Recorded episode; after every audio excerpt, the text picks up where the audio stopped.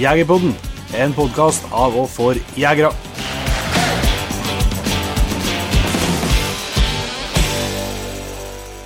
Hjertelig velkommen til en ny episode av Jegerpodden. Jeg heter Jon Petter Meldingen. Og jeg heter Jon Ingevik. I dag Jon Inge, så skal vi kjøre en liten variant. Vi har ganske mye på tapeten, faktisk. Eh, Vi skal kjøre en liten variant eh, der vi har eh, invitert eh, det absolutt viktigste for Jegerpodden inn i, inn i podkasten, også dem som eh, hører på oss. Ja, Det er du som hører på oss, rett og slett. Så vi har spurt om å få litt eh, spørsmål om forskjellig du kan eh, lure på. og Det har kommet inn massevis av spørsmål, så vi skal prøve å, prøve å svare etter beste evne. Det er ikke alt vi nødvendigvis har, har kompetanse på, men vi skal i hvert fall gjøre et, et dønn ærlig forsøk. Mm. Så har vi litt mer planer etter hvert, men uh, vi, vi kjører bare i gang med spørsmålene, tror du ikke? Ja, vi kan bare kjøre på med dem fra starten av, og så tar vi litt uh, resten av planene våre eh, etterpå. Yes, Mm. Jeg har et spørsmål, ja. kjør på. Du skal få starte med her, for jeg skal få tenkt deg litt godt om. Den er Marius Nilsen som lurer på hva den største tabben eh, du har gjort på jakt. Den vil de gjerne, gjerne høre om. Ikke tabben, største tabben din. Nei, nei. Se det. Nei, det er jo ikke så enkelt å velge mellom, det er jo mange å ta av. Eh, men eh, altså det å kalle ut eh, Du kan jo være liksom, jeg har jo vært uheldig og skadeskutt og det er jo selvsagt en, en tabbe og noe som sitter i kroppen lenge. Uh, har jeg jo så vidt fortalt om òg, den episoden. Men største tabben som er liksom vanskelig å komme unna, er den 20-spiringen som er rota bort, da, med å gi bort GPS-en. Eh, det er Det vanskelig å komme unna. det er historier som, som du har delt i, i en episode tidligere. Ja, det. Det er lenge siden nå. Jeg kan jo ta kort, kortversjon. Uh, ble los på, los på Eiko, og så gikk det over på nabovallet. Uh, og stående i stålos der. Så sto vi liksom på grensa, en vei som var grensa, og venta. Og ja, hørte noe på losen, vi var ikke så langt, langt unna. Og så uh, kjørte uh, kom uh, svigerfar og lurte på om han kunne få se litt på GPS-en. Jeg har ikke sett på sånt før.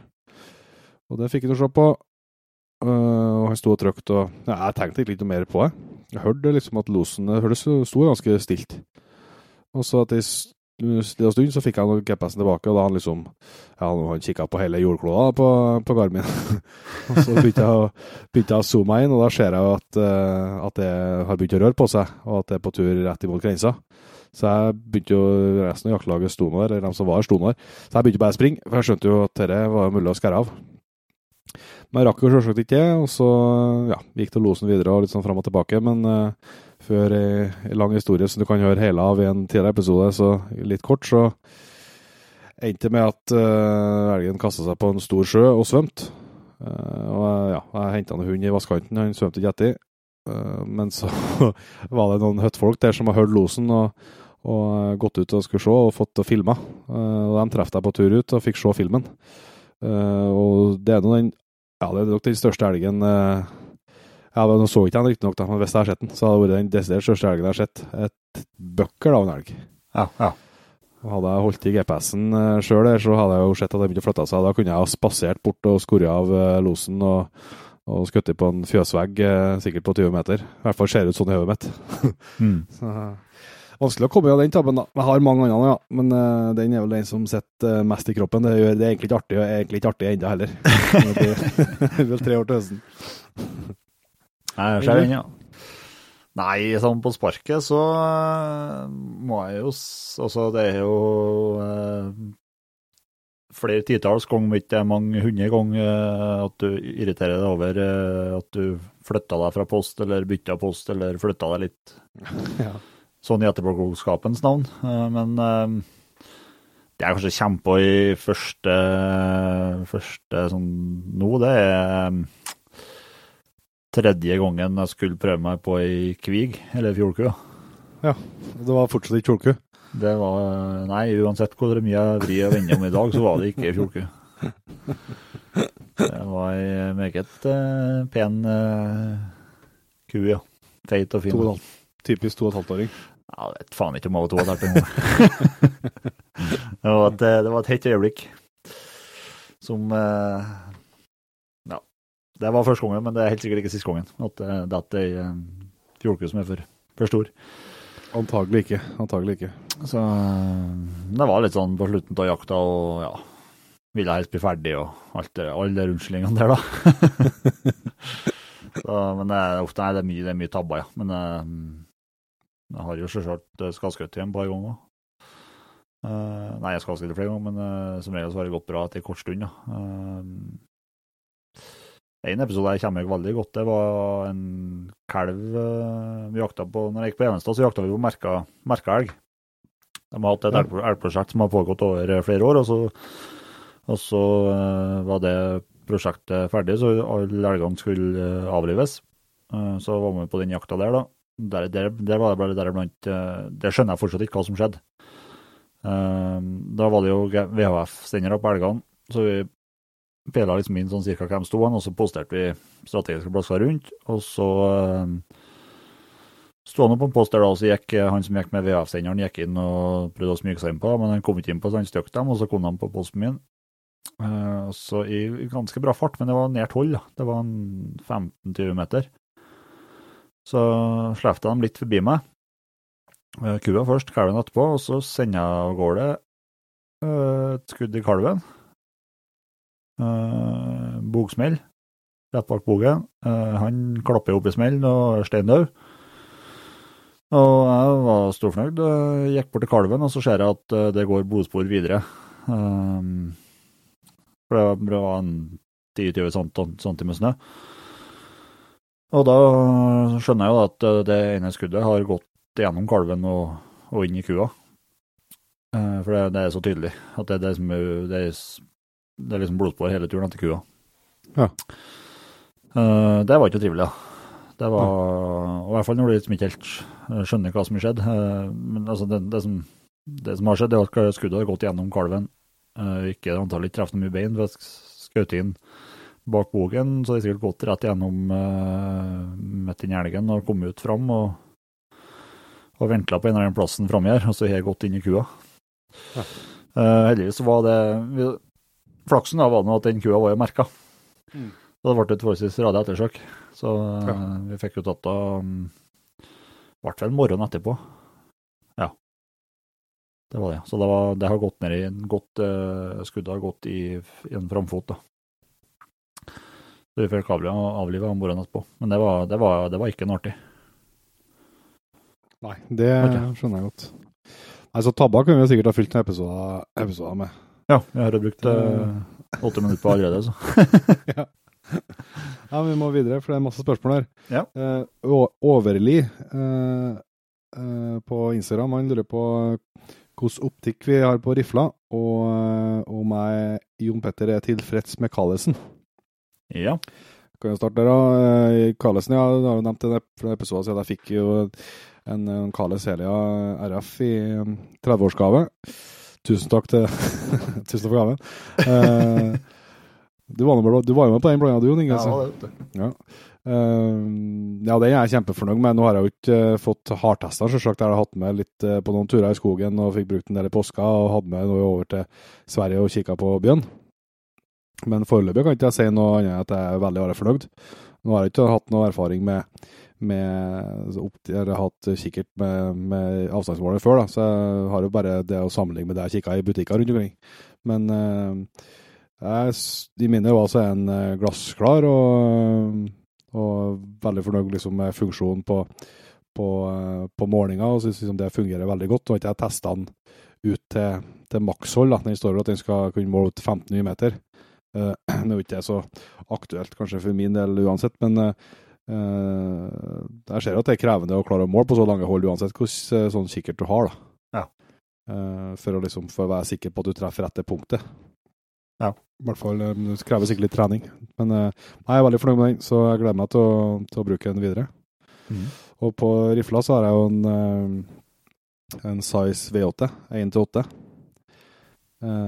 som mer eller mindre pantsett jeg hadde for å få til. Så den er jeg kjempe, kjempeglad i. Uh, Syns det er en helt fantastisk optikk. In, uh, og vi fikk jo faktisk kikka litt på Skjøtabanen uh, og kikka litt flere kikkerter samtidig denne vekka her. Ja, på mandagen, ja. Uh, stemmer. Og da, da ser du jo på vis litt forskjellen. Først, du ser jo liksom når du kikker gjennom at optikken er veldig bra. Eh, og så er det sikkert noen som kan forklare hvorfor det, det er sånn, men vi så jo litt sånn vi setter flere kikkerter på samme forstørrelse og ser på blinken på samme avstand, så ser du at du er like nært, samtidig som at du ser mer. Altså at du har en eh, større syns, synsfelt, ja. Ja. Så den er jeg super, eh, superhappy med. Fantastisk bra kikkert. Og det skulle jo bare mangle til en sånn, til en sånn Når du velger å gå for den prisklassen der, Ja, så, ja. så er jo alt bra, tenker jeg. Ja, det er jo bare halve, halve, halve prislappen i forhold til det som jeg har stående på. Ja. jeg, har, jeg har to kikkerter som jeg bytter mellom. Eh, eller nå har jeg for så vidt det mer og mer til at jeg bruker den største inn. Det er en uh, Meopta uh, heter det? Meostar. Ja, Meopta Meostar R2R. 2,5 til 15 ganger 56. Eh, så det er jo en liten sånn superzoom-kikkert, da. Som har eh, synes går langt nok ned og, og høyt nok opp, opp til 15. Eh, veldig lyssterk. Og så er det opplyst retikkel. Eh, det er Jævla fint uh, kors på, eller opplyst retikkel på den der. Ja. eh, grunnen til at jeg kjøpte denne kikkerten, der det var for at eh, eh, jeg jakta litt hardt på åte. Og da ville jeg ha en lyssterk kikkert med, på den 223-en jeg hadde før. Og da valgte jeg eh, opplyst sånn at korset er opplyst, eh, og ikke ikke bare det er ikke en prikk. Det er ikke bare en prikk, det er korset. Nei. Og når du spiller i mørket, da, men nå når du ligger på banen, at du stiller på litt lys på den, så at du får Jeg føler at det er mer presis, da. Og mye lettere å vite hvor du holder hvor du holder, eh, holder den. da. Ja. Så det, den, den kikkerten er jeg veldig fornøyd med. Og så mm, hadde jeg jo den på 223 før, og da, så har jeg en eh, Leopold VX3. To, eh, 1,25 til 6 gang 32, sånt. Ja. 30, Men så- 30, 30, ja. Eh, som jeg har brukt på 9-3 før, da. Uh, men så når jeg solgte 223-en, så setter jeg den uh, med oppdam på, på 9-3-en, og så har den egentlig bare blitt stående, for at jeg skjøt mye bedre med den kikkerten, med kikkerten på, enn jeg gjorde med den uh, lisse kikkerten. da. Hmm. Bakdelen er jo da at det er jo, blir jo en stor og tung børs, da. Så det Ja. det er litt derfor at, jeg, at jeg ikke har kvittet meg med den Leopold nå, for å kunne sette på den når det blir ja, lange dager mm. med mye gåing. Yes, det var det. Har du noen flere spørsmål? Ja, det, det har du, vet du. Det er jo en han, han godeste han godeste Kim Kim Helsø. Han vil jo gjerne høre litt mer om eh, det jaktår, det året når du og kompisen var ute, som du har hinta til flere ganger. og Litt med årstidene og lo logistikk og alt om, litt omkring om den, det året der. Ja. Jeg har jo snakka om at vi skal, vi skal lage en egen episode på det, uh, med en Karstein. Uh, vi, så, vi to han så ut. Så det skal vi jo komme litt mer tilbake til i detalj, da. Men uh, kan jo dra noen sånne hovedpunkter, for han lurte på litt på Vi bodde jo i Vi leide et helt eh, terreng i Sverige, så vi hadde ei hytt, uh, der, og så var vi liksom i nærområdet rundt her. Uh, jakta jo selvsagt veldig mye og fiska veldig mye og, og var mye ute. Uh, det var ikke noen ekstremopplegg. Vi hadde ikke uh, Vi hadde med ganske mye tørrmat og sånn, og vi var på butikken. Det Da hadde vi jo sagt ifra om før prosjektet at vi hadde planer om det. Og var på butikken flere ganger i løpet av det året. og eh, klart at ja, det å være på butikken seks-sju ganger i løpet av et år er jo ikke, ikke helt hverdags, selvsagt, men, eh, men eh, det var jo ikke noe sånn ekstreme år sånn sett. Um, så bare en fantastisk eh, tur og masse utrolige opplevelser. Um, og den, ja, vi jakta en del, eh, vi jakta litt forskjellig. Vi jakta bjørn, og vi jakta elg, og eh, vi hadde med to fuglehunder, så vi satsa ganske hardt på, på fuglejakt. Eh, og skjøt, det var veldig bra fugleår den, høsten, så vi skjøt mye, skjøt mye fugl og hadde Ja, jeg tror vi åt fugl mer eller mindre eh, daglig gjennom hele høsten. Blant annet kjørte vi på med ganske mye eh, tiurpizza. Eh, Ja. laga. det var ganske artig. Fikk jo litt annet forhold til fuglekjøttet i løpet av høsten enn hva den har til, til vanlig, på hvis når det ble, eh, ble middag hver dag. Uh, nei, det var et fantastisk eh, bra år. Uh, masse gode opplevelser. Sett fortsatt i såpass mye at jeg ikke er i stand til å ete ørret ennå. Ja, det, det har jeg opplevd et par ganger når jeg liksom diska opp middag og skulle servere deg omspakt ørret, og så Nei takk. Nei. Det er liksom, det er takken. Nei, takken. Nei, det setter jeg, altså. Jeg hører jo de harde karene, skal se med Jens og uh, Lars Monsen og her, som, uh, som klarer dette over lang, lang tid. Men uh, vi var tom for vi, vi røyka ned en elg blant og hadde røykakjøtt utover vinteren og våren, men sånn i mai så var det, var det tomt, det lageret der. Så da ble det jo veldig mye fisk, da. delvis både til frokost, men også kvelds. Uh, og det gikk for så vidt bra nok når vi var der. Jeg var ganske lei av, men etter hvert så ble det liksom så, så fortsatt så ørret og rør, det Alt annet til fisk, det går bra, men ørret og rør, det, det går ikke ned, altså. så litt fikk vi prøvd oss for det, ja. Men uh, nei, så vi skal komme mer tilbake til det, det året. Ja, jeg har jo drevet og Vi skal få til en episode at da tror jeg rett og slett at jeg tar over som programleder, og så skal jeg ha med deg og Karstein som gjester, tror jeg. Vi kjører på sånn ja. På en episode. Ja. Det blir spennende. Ja, det blir det. Så har jeg et spørsmål fra Kenneth Øyen. Uh, han lurer på om det er varierte treningsskudd, eller om det er mye det samme, og hvordan vi eventuelt varierer. Tenker vel sikkert Og så spør nå om, her, om uh, hvor mange skudd vi har med rifla fram til jakta. Ja. Og også han tenker på hvor mye vi varierer. Yes. Ja. yes. Um, jeg kan begynne. Jeg har, jeg har, ikke noe sansen for å ligge på 100-meteren. Det kan jeg si med en gang. Uh, jeg syns det er kjedelig. Jeg syns ikke det er jaktrelevant. Uh, jeg liker veldig godt uh, Vi har jo ei sånn bjørnløype. Jeg kaller det jaktfeltløype eller bjønnløyp, eller ja, som vi bruker ofte her. Der er det både stående, sittende og liggende skjøting. Det er lange hold, det er korte hold. Uh, så er det en del på, med tidspress. Mm. Uh, kjappe skudd. Kjappe skudd. og jeg syns det er ja, dritartig. ja, helt enig. det, jeg, det er for dårlig på, det er, det til å trene på, det er løpeelg. Um, den nå har vi, vi har en standplass på 30 meter. Da syns jeg det er skøy, eh, for det òg føler jeg er mye mer relevant til jakt, da. Ja, heller lenge mellom at en drar til på elg på 100 meter på den farta. Ja, ja, ja. Men klart det er jo det vi ettersøkssituasjoner. Jo, jo, så, så er det litt som en eh, med langhalsskjøteren og Derek har snakka om. Altså, hvis du er du god på å skjøte på 100 meter på løpebanehelg, så er du sikkert enda bedre på 50. Ja, ja, helt klart. Helt klart. Så um, ja. Jeg vet ikke mange skudd jeg løsner. Eh, nå har jo jeg sagt offentlig her at jeg uh, jeg skjøt ikke så godt med, med, med niteren som jeg ønska. Uh, Derav så skjøt jeg ikke så mye som jeg burde ha gjort.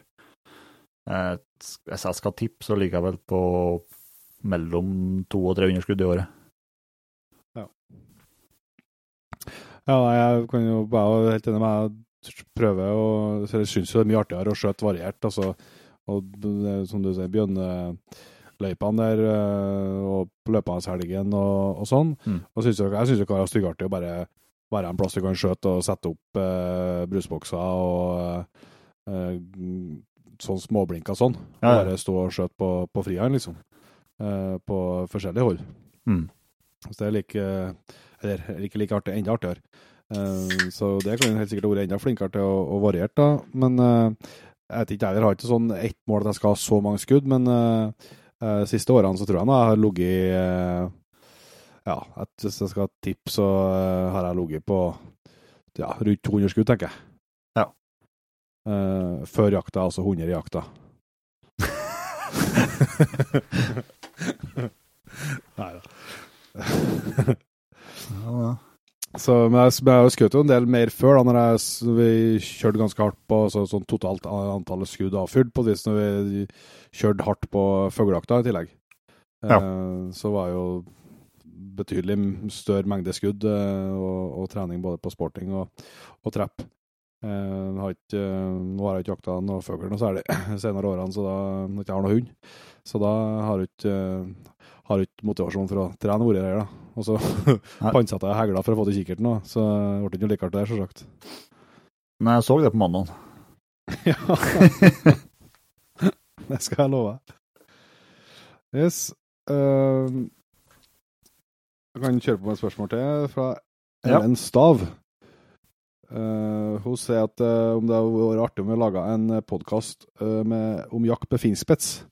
Eh, og det kan jo bare svare helt kjapt på at det skal vi gjøre. Det har, har vi på, på lista. Så det lover vi at kommer eh, Jeg tror ikke det kommer på her sida av sommeren, men uh, håper å få til det før, før jaktstart. Yes. Uh, da har vi en her, vet du. Det er en som begynner med pros and cones. Uh, det vet ikke du hva det betyr. Men uh, på gråhund fordeler og ulemper. yes, På gråhund og jevnt objektivt. Eller vi kan prøve å være objektive. Ja. Ja, men det er minnefelt. Ja. Nå, nå er det som brannfakkelfare. ja.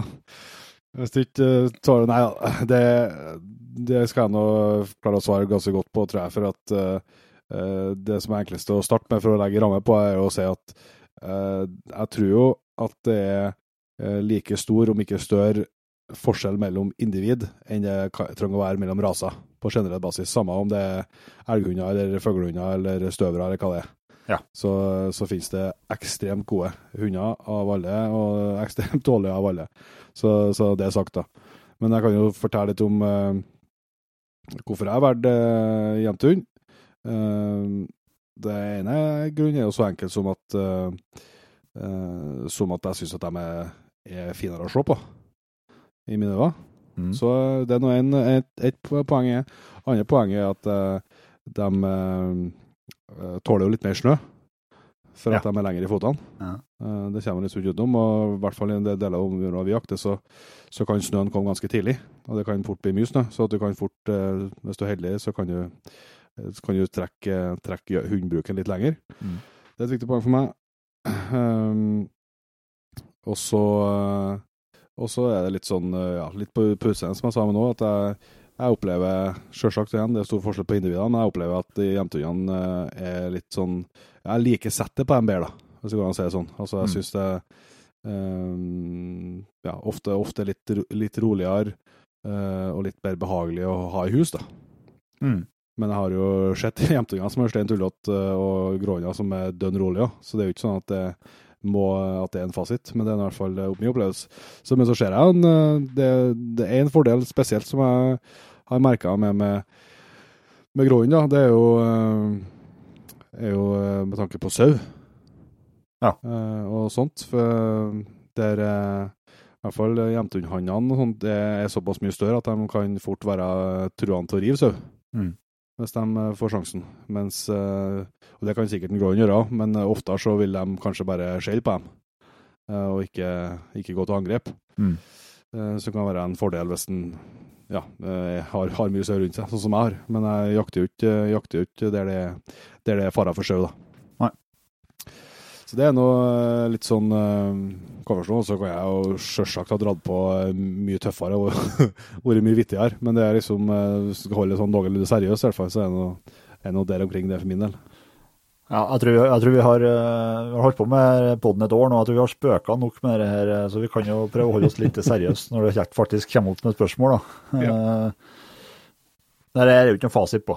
Uh, Jeg har akkurat samme mening som deg. Jeg tror eh, ikke det har noe så Det er større, større forskjell på individene enn det er på rasene. Og eh, Og ikke minst eierne. Ja. Samme hvordan Jeg tror, øh, jeg tror Uh, ha, altså, Får du til en god jakthund, så er det ikke nøye om det er en jevnthund eller gråhund. Uh, grunn, altså, grunnen til at jeg velger jevnt, det er først og fremst for at jeg har jeg har et sånt vagt minne, eller ikke så vagt heller, jeg husker det kjempegodt, uh, fra oppveksten når jeg var barn og ungdom. Uansett faen hvordan gårdsbruk du for på rundt om i bygda her, så sto det en kjeftete gråhund i en kjetting betta til fjøset. Og sto og kjefta kjefta kjefta. Uh, så det var det liksom, det var sånn negativ, uh, negativ eh, oppførsel fra, fra, mm, ja, fra barndommen. Eh, nå har jeg hatt en jevnthund sjøl som uh, kanskje var enda hakket verre enn alle de andre. Så jeg skal ikke bruke det som argument, men det, det har du liksom ligget og skumra. Men uh, grunnen til at jeg kjøpte først jevnthund, det var jo fordi at det var det var en i lokalmiljøet her som som skulle gi bort en unghund som var åtte-ti måneder. Ti-ti måneder, ja, noe sånt. Uh, og da har jeg nettopp flytta hjem, var ferdig med skolen. Uh, jeg flytta hjem for å arbeide og begynne å jakte skikkelig. Eh, så det var Alt klaffa bare. Eh, ja. Og den, var, den lova bra òg, så det ble bare så overtok den. Eh, det ble sånn det starta. Og så har han jo har jeg oppfatt, altså, forskjellige fordeler etter hvert. Det er jo alt som det som du nevner, snø. Det er jo Det var jo et dårlig argument før. Nå kan vi jakte elg til jul. Da Ja, syns jeg det argumentet spiller inn veldig hardt. Mm. Det er i hvert fall oppi her. Ja. Vi jakter så.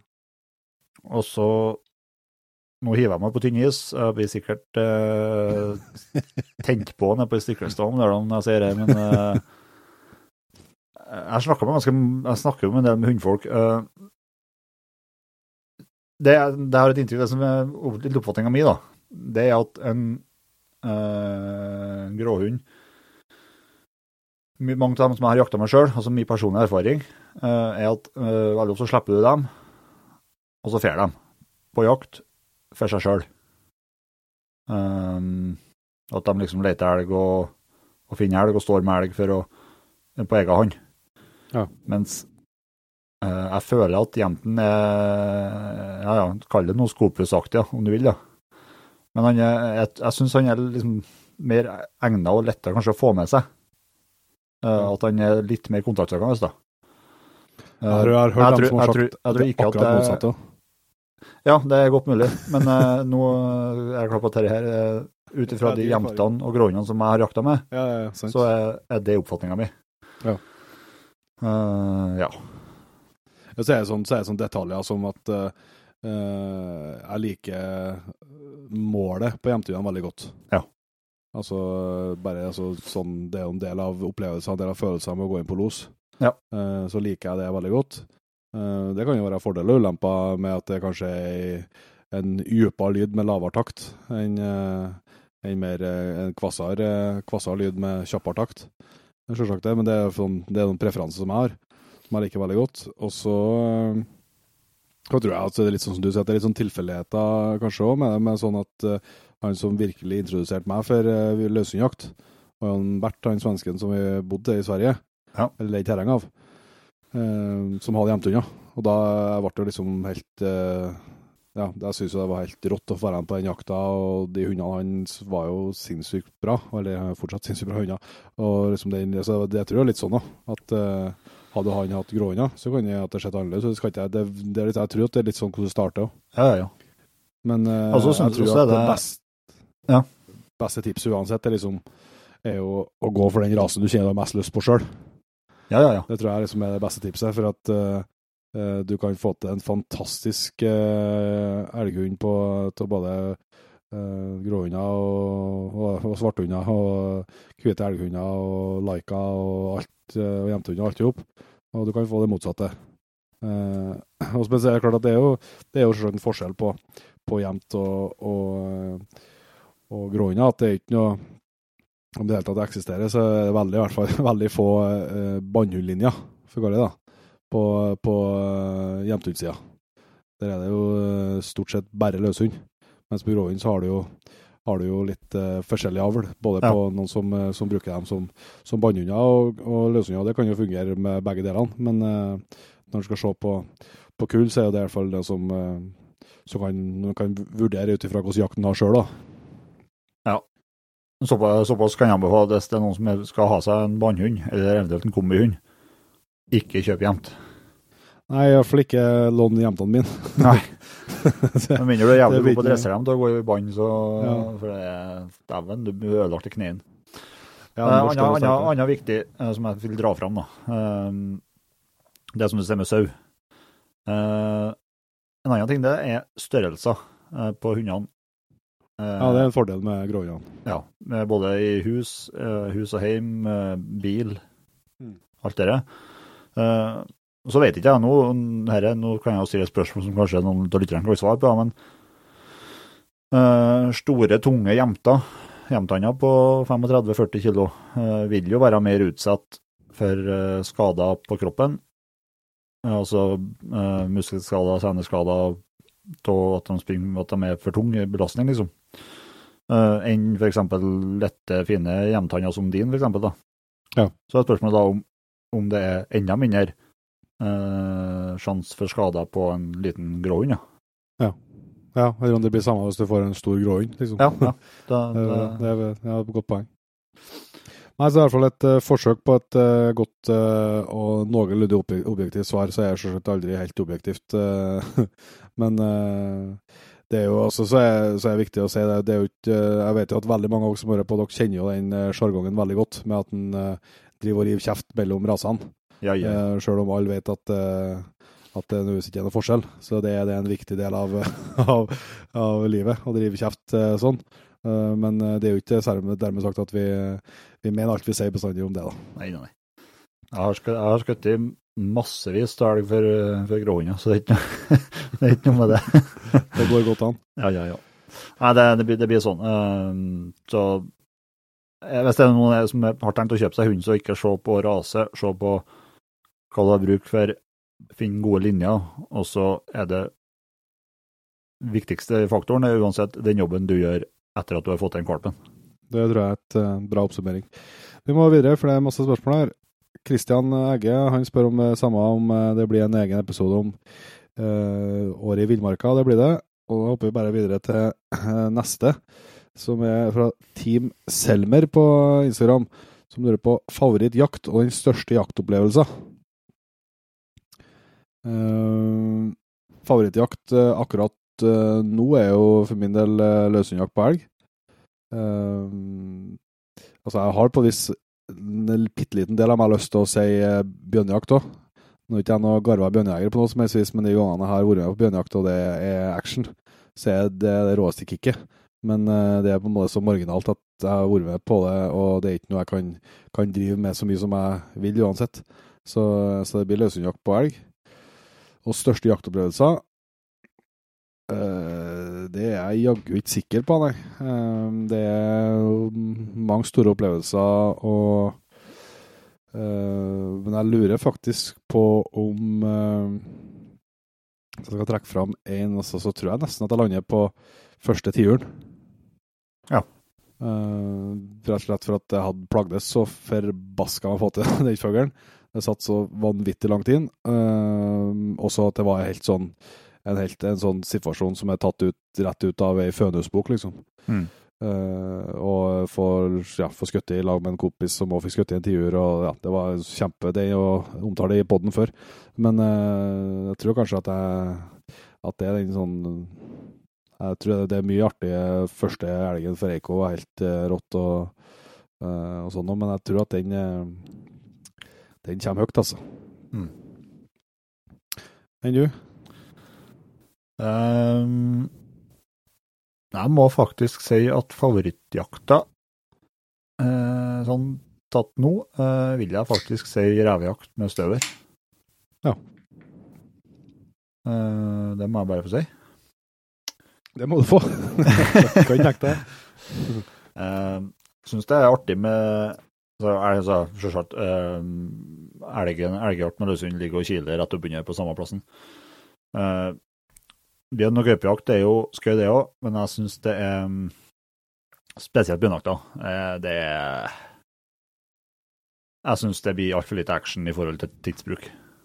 Ja, det er sant. Det er det som er utfordringen. Altså, men det er jo sånn, det, er det som er så frustrerende. at når det er først action, så er det så sinnssykt action. Ja, ja, ja. Helt klart. Så, men for oss eh, vanlige dødende så er det liksom vanskelig å, å få oppleve det år etter år, da. Mm.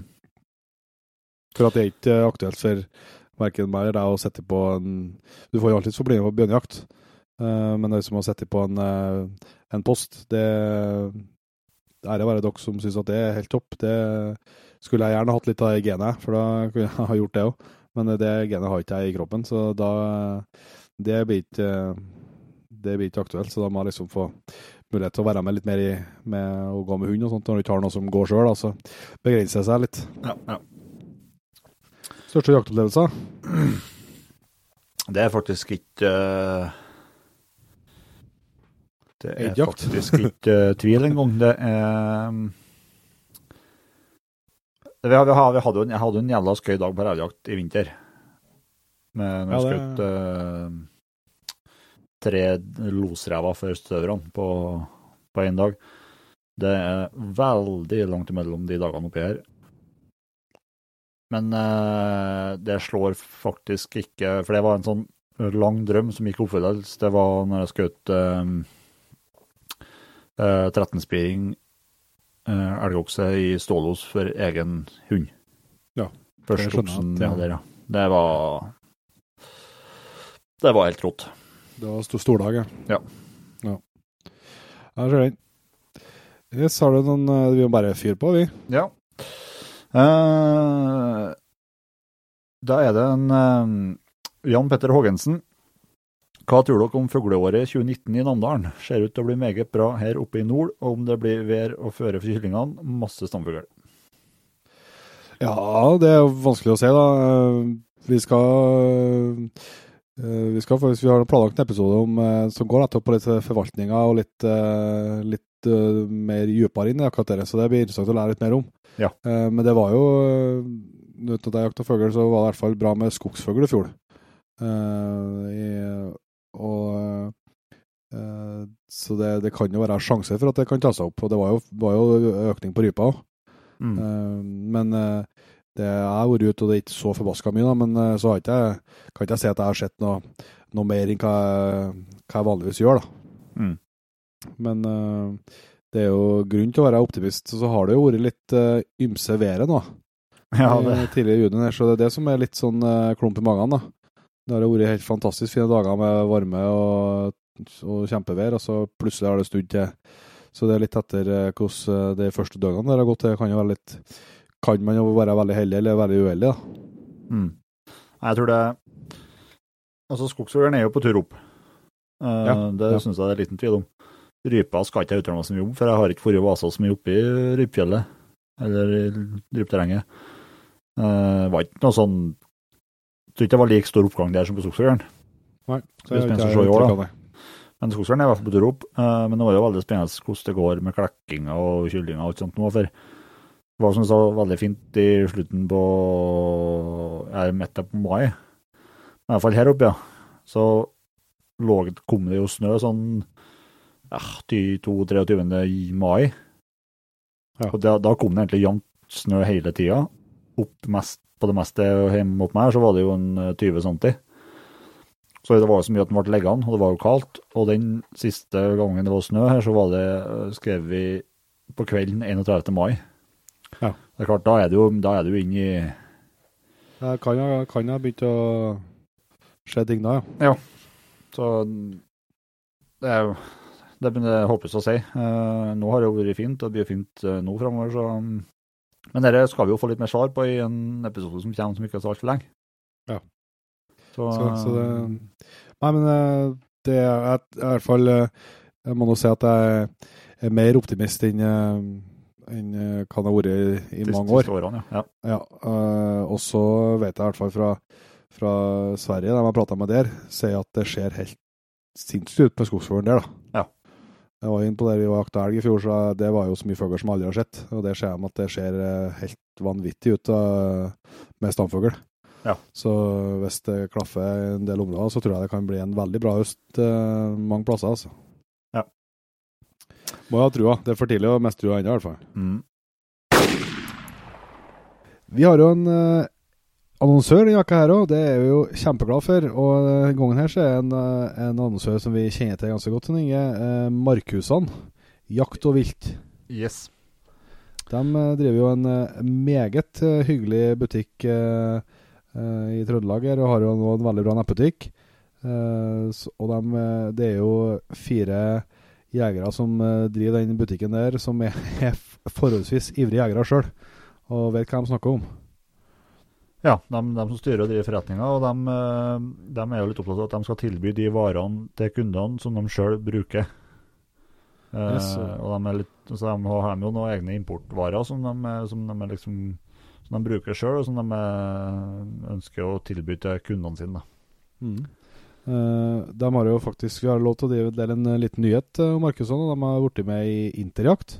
Ja. Så, en, eh, så vidt meg bekjent så er det første butikken i, i Trøndelag som er en del av Vinterjakt. Uh, den kjeden der.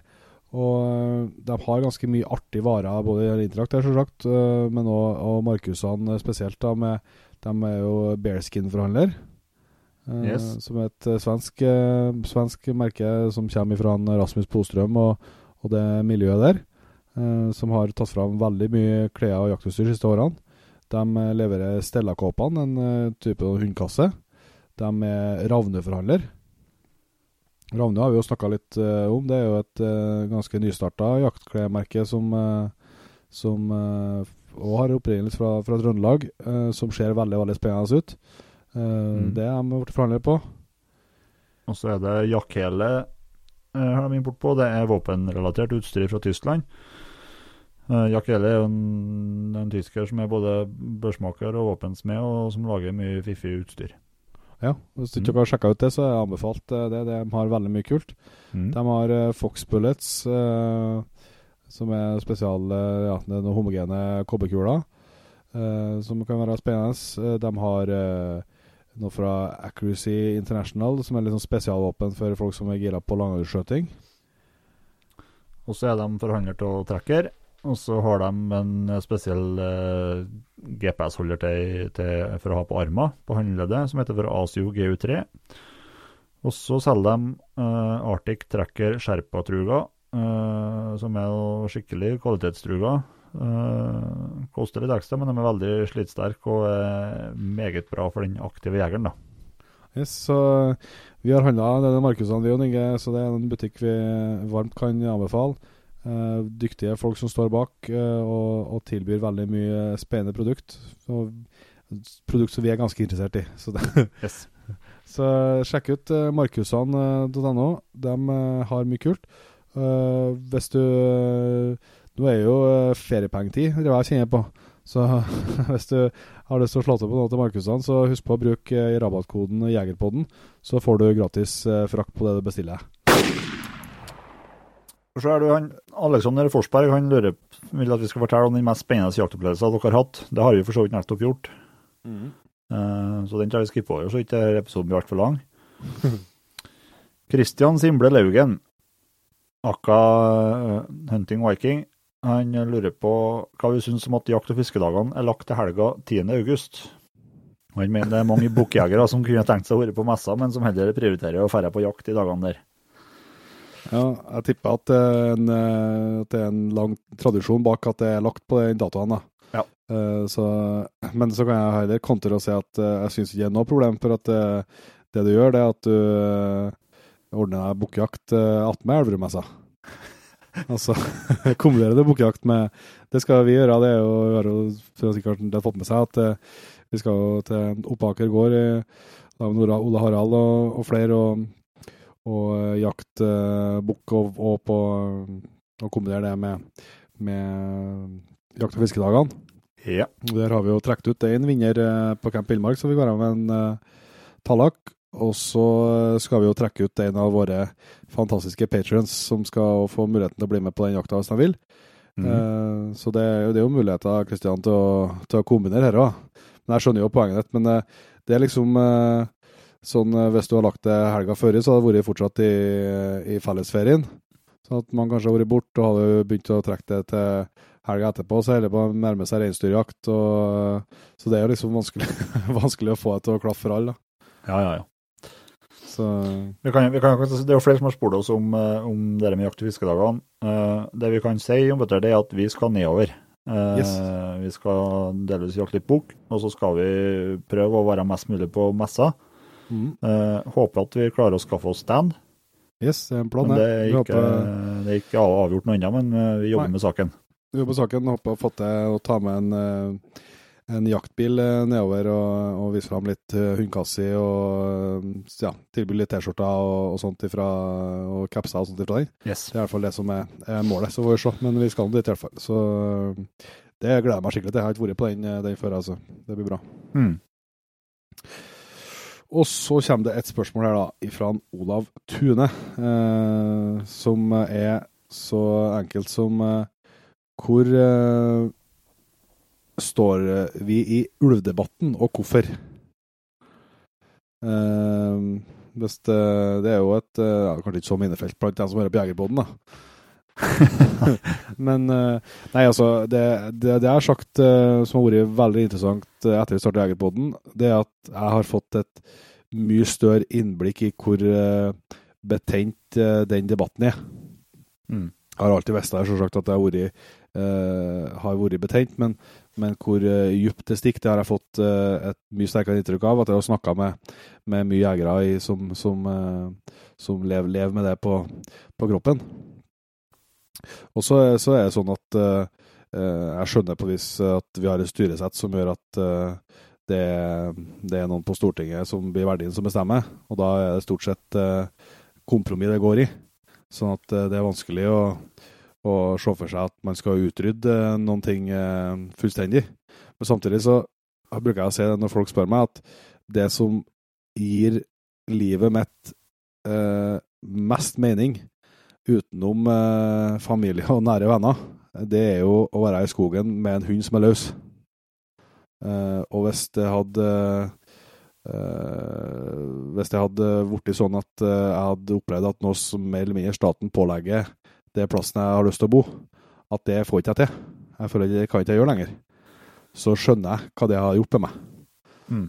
Så at eh, Jeg kan ikke si at jeg liksom eh, At jeg er helt uh, på den ene sida eller den andre sida, sånn sett, men, men jeg skjønner det veldig, veldig godt. Uh, og jeg syns uh, oppriktig synd på, på dem som som, som må leve med, leve med dere. Faen, det er politisk korrekt du, da. Ja, ja. Nei, men altså, men altså, det er jo ikke sånn altså, som, som jeg, jeg kan jo ikke, jeg er Hadde jo, tenkt, hadde jeg jo hata ulv, så har jeg sagt det at jeg hater ulv, men, jeg, Mm. men det, det, det, og det ser jeg at det jeg prøver å si, er at eh, det er jeg sikkert eh, potens, har jeg sikkert potensial til å ha gjort, hvis jeg hadde levd oppi det. Men Ja. samtidig så blir det dumt å, å late som at jeg gjør det når jeg ikke gjør det. For at jeg Mm. lever ikke oppi det. Men jeg har full forståelse for den eh, frustrasjonen det, som folk kjenner på. Ja. Og sympatiserer med det, for å si det sånn. Eh, nei, jeg kan Jeg står, jeg står nok litt mer på den, uh, den uh, hatsida i forhold til deg, da. Uh, Nullvisjonssida, som man kan kalle, kalle det, da. Det går litt på, går litt på at jeg, jeg har noen kjenninger som mister hunder. og det er Ja. Nei, altså, det, det er håpløse greier. Men jeg, kan, jeg kan være med på at vi skal ha ulv i Norge, men da må den forvaltes på en rett måte. Helt klart. Eh, det gjør den ikke nå. Og så er det den evige debatten da, om det er ulv vi har her i Norge, eller om det er noe hybridopplegg. Ja, ja. Eh, Den skal vi ikke dra videre. Nei. Um, men også det, når jeg nå sitter som en, en sørbonde. sørbonde fra Namdalen. så så eh, blir jeg jo fryktelig oppgitt og forbanna når det skjer sånn, eh, sånn tragedier som har skjedd nå flere år på rad. Altså Hadeland, eh, Gran, som det var for to år siden. Engerdalen, var oppi der i, i fjor. Um, ja, det har allerede starta på i år. Um, og det er jo et resultat av, av at, at, at det ikke forvaltes på en rett måte. Og. Nei, fy faen. Uff. Nei, Vi går er videre. Også, ja, hvis jeg først er på hakket på politikken her, så, så er det som jeg kjenner som den store utfordringa, det er at, øh, er at liksom, debatten øh, blir liksom aldri helt ekte. Nei. Det er det samme som øh, på mye, synes jeg, på det som går på øh, distriktspolitikk, hvis du kaller det det. Altså, samme når man velger å legge ned øh, ambulansetjenester omkring, rundt omkring, så er det sånn øh, da, Det er jo ikke bra for dem som bor der. Selv om det ikke er så mange som bor der, så, så er den tryggheten en ambulanse gir, det er jævlig viktig. Eh, når man velger å legge ned en, så, så mener jeg liksom at på vis da ser man indirekte at eh, dere må gjerne bo her, men eh, det er på eget ansvar. På Ja, ja. Og, det, og, og hvis det er det som på en måte er politikken, så må man liksom, eh, skal jeg ønske at hadde tørt å ha sagt det. For da har vi visst hva vi hadde kjempa mot. Mm. Og litt det samme er med det som på, på at hvis det er sånn at uh, man tenker på, eh, at eh, politisk at uh, det skal ikke være det skal ikke være husdyrhold der. Derfor de, vi, vi, vi bare det be- oppleves sånn som at man seigpiner folk Ja, ja. til man bare kapitulerer. Og det, da må heller vært tøft nok og sagt at nei, vi syns ikke det skal være det. det. Her skal være ulv. Mm. Og så hadde ikke det vært rett heller, men da da det i hvert fall vært en, en klar og tydelig debatt, Mm. istedenfor at det blir veldig sånn pakka inn. da. Det kan jeg nå si at eh, jeg savner. Ja, ja. Nei, det Og så er det Ja, nei, det- jeg kan snakke mye rart om, men eh, Ja. det er i hvert fall det er der vi står. Uh, Yes. Kanskje ja, ikke så nei, voldsomt overraskende. Nei. Eh, men uh, vi kan Det har kommet et rovdyrspørsmål til, da. Okay. Men av litt annen art. Det er uh, Beklager hvis jeg leser feil, altså, men uh, J. Agel, 87, Uh, han lurer på hvilken predator du syns er kulest. Jerv. Ja, jeg er på bjørn. Uh, jeg syns den er Men så syns jeg jo jeg synes eksempel sånn røyskatt er drittøft, da. Uh, sånn å se på, for det er jo så artig, artig dyr. Ja. Uh, men det er jo ikke, har ikke liksom det samme forholdet til. Men, eh, men bjørn syns jeg er utrolig fascinerende altså, Mm. på mange vis.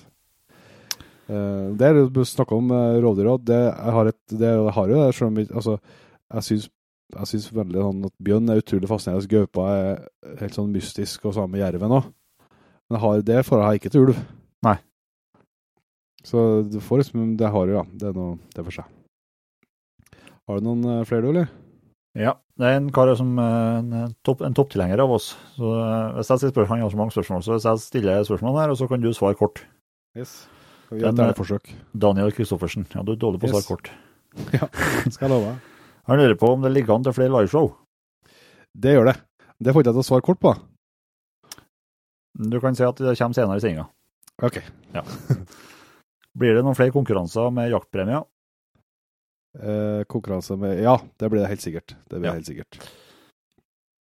Eh, blir det flere episoder med lyttere som gjester eller mindre profilerte gjester? Yes, det skal vi absolutt prøve å få til. Det, som jeg har sagt før, så, så har vi ikke noe sånn eh, Det, er jo, det har jo handla litt om at det har vært enklere for oss å eh, komme på navnene på, disse, på folk som er litt kalde profiler. enn, Yes. eh, men det aller kuleste er jo å, syns jeg, å prate med folk som, som er virkelig dedikerte jegere, og, og sånt som man kanskje ikke vet om. For som jeg har sagt mange ganger før, så er det ikke det samme som at, eh, at du, om du har 200 følgere på, på Instagram, eller hva det skal være, så kan du være en sinnssykt dyktig jeger fordi, Mm. og veldig dedikert og jobba knallhardt for det du har fått eh, oppnådd. Så det, det skal vi helt klart gjøre. Eh, også lurer på om det er funnet ut noe mer om drevjakttur til det fjerne øst. Eh, ja, det er det. Det har vi kanskje ikke eh, Det blir, men det blir ikke eh, i år. Eh, vi hadde noen eh, Vi hadde noen eh, Vi fant ikke noe terreng som eh, vi var sikre på at var bra nok, rett og slett for at vi var litt sent ut. Mm. Men vi har, eh, vet vi at vi får tilgang til, til neste høst på veldig veldig bra terreng. Så da Da blir det. tar vi ikke, tar vi ikke noen sjanser. Siste spørsmål. Grill eller wiener? Wiener. Grill. Ja, nettopp. Ikke, ja, jeg er enig hvis du skal ha grill, men hvis jeg, skal, hvis jeg kan velge fra butikken. Nei, da er vi grill. Nettopp. Jeg har flere, ja. Ja. Uh, det her spørs om vi kan svare noe særlig på, men det er jo 308-ammo til bukkjakt. Du har i hvert fall jakta med 308 og Ja. i bukk, så det er noe Jeg har nok- så vidt skutt rådyr, altså. Jeg har skutt med fyrskjul, tror jeg. Ja. Uh, nei. Jeg har ikke noe fornuftig svar å komme med, rett og slett for at det Jeg kan være så ærlig som at uh, jeg er er ikke så fanatisk på ammunisjon og kuler og krutt, da, kan jeg si. Nei. Men uh, jeg må tenke litt over, google litt, tenke litt over om man vil ha knall og fall, om man vil ha masse Ja, om man kan prioritere om man vil ha knall og fall, om man vil ha min, minst kjøttødeleggelser og sånt. Ja, så tenker jeg Hvis du er litt sånn spesialisert, så vet jeg at Norma har vel ei, ei rådyrkul. Ja. Eh, som uh, Uten at jeg vet noe mer om den, at det står, står det på pakken. Så Ja. vil jeg tro at man har gjort eh, litt tankevirksomhet for å, for å få det til å passe til det viltet. Mm. Eh, noen tips og triks til kråkejakt, lurer en eh, Valbe. eh, på. Eh, det har ikke jeg. Har skutt en del kråk, ja, men det har eh, stort sett vært på eh, måfå. Det var jo tidlig jaktkarriere med å få luft eh, hegla rundt fjøset. Men jeg har aldri Jeg aldri fanga litt kråk i fell, sånn har vært med på, men ikke Jeg har aldri liksom jakta, jakta kråk dedikert, sånn sett, så det skal ikke jeg tørre å gi meg ut på noen tips med. Nei, det er litt samme meg. det. Jeg har aldri jakta noe mye kråk. Det skal vi vel ha som, en, som et tema, det står jo på lista vår. Eh, Ja, over et det. tema på en episode. Mm. Så det kommer nok. Uh, men uh, ja, jeg tror ikke jeg skal si så mye jeg ikke kan, kan noe med. Nei. Men uh, kråklokk og hubro. Og kamuflasjenett. Kamuflasje er sikkert veldig bra. de er ganske De er jo forholdsvis En klok fugl. Ja, det må vi si. Og så lurer han jo på om vi har tenkt å skjøte NM i leirdustid. Eh, for å si det sånn, uh, jeg skal ikke det.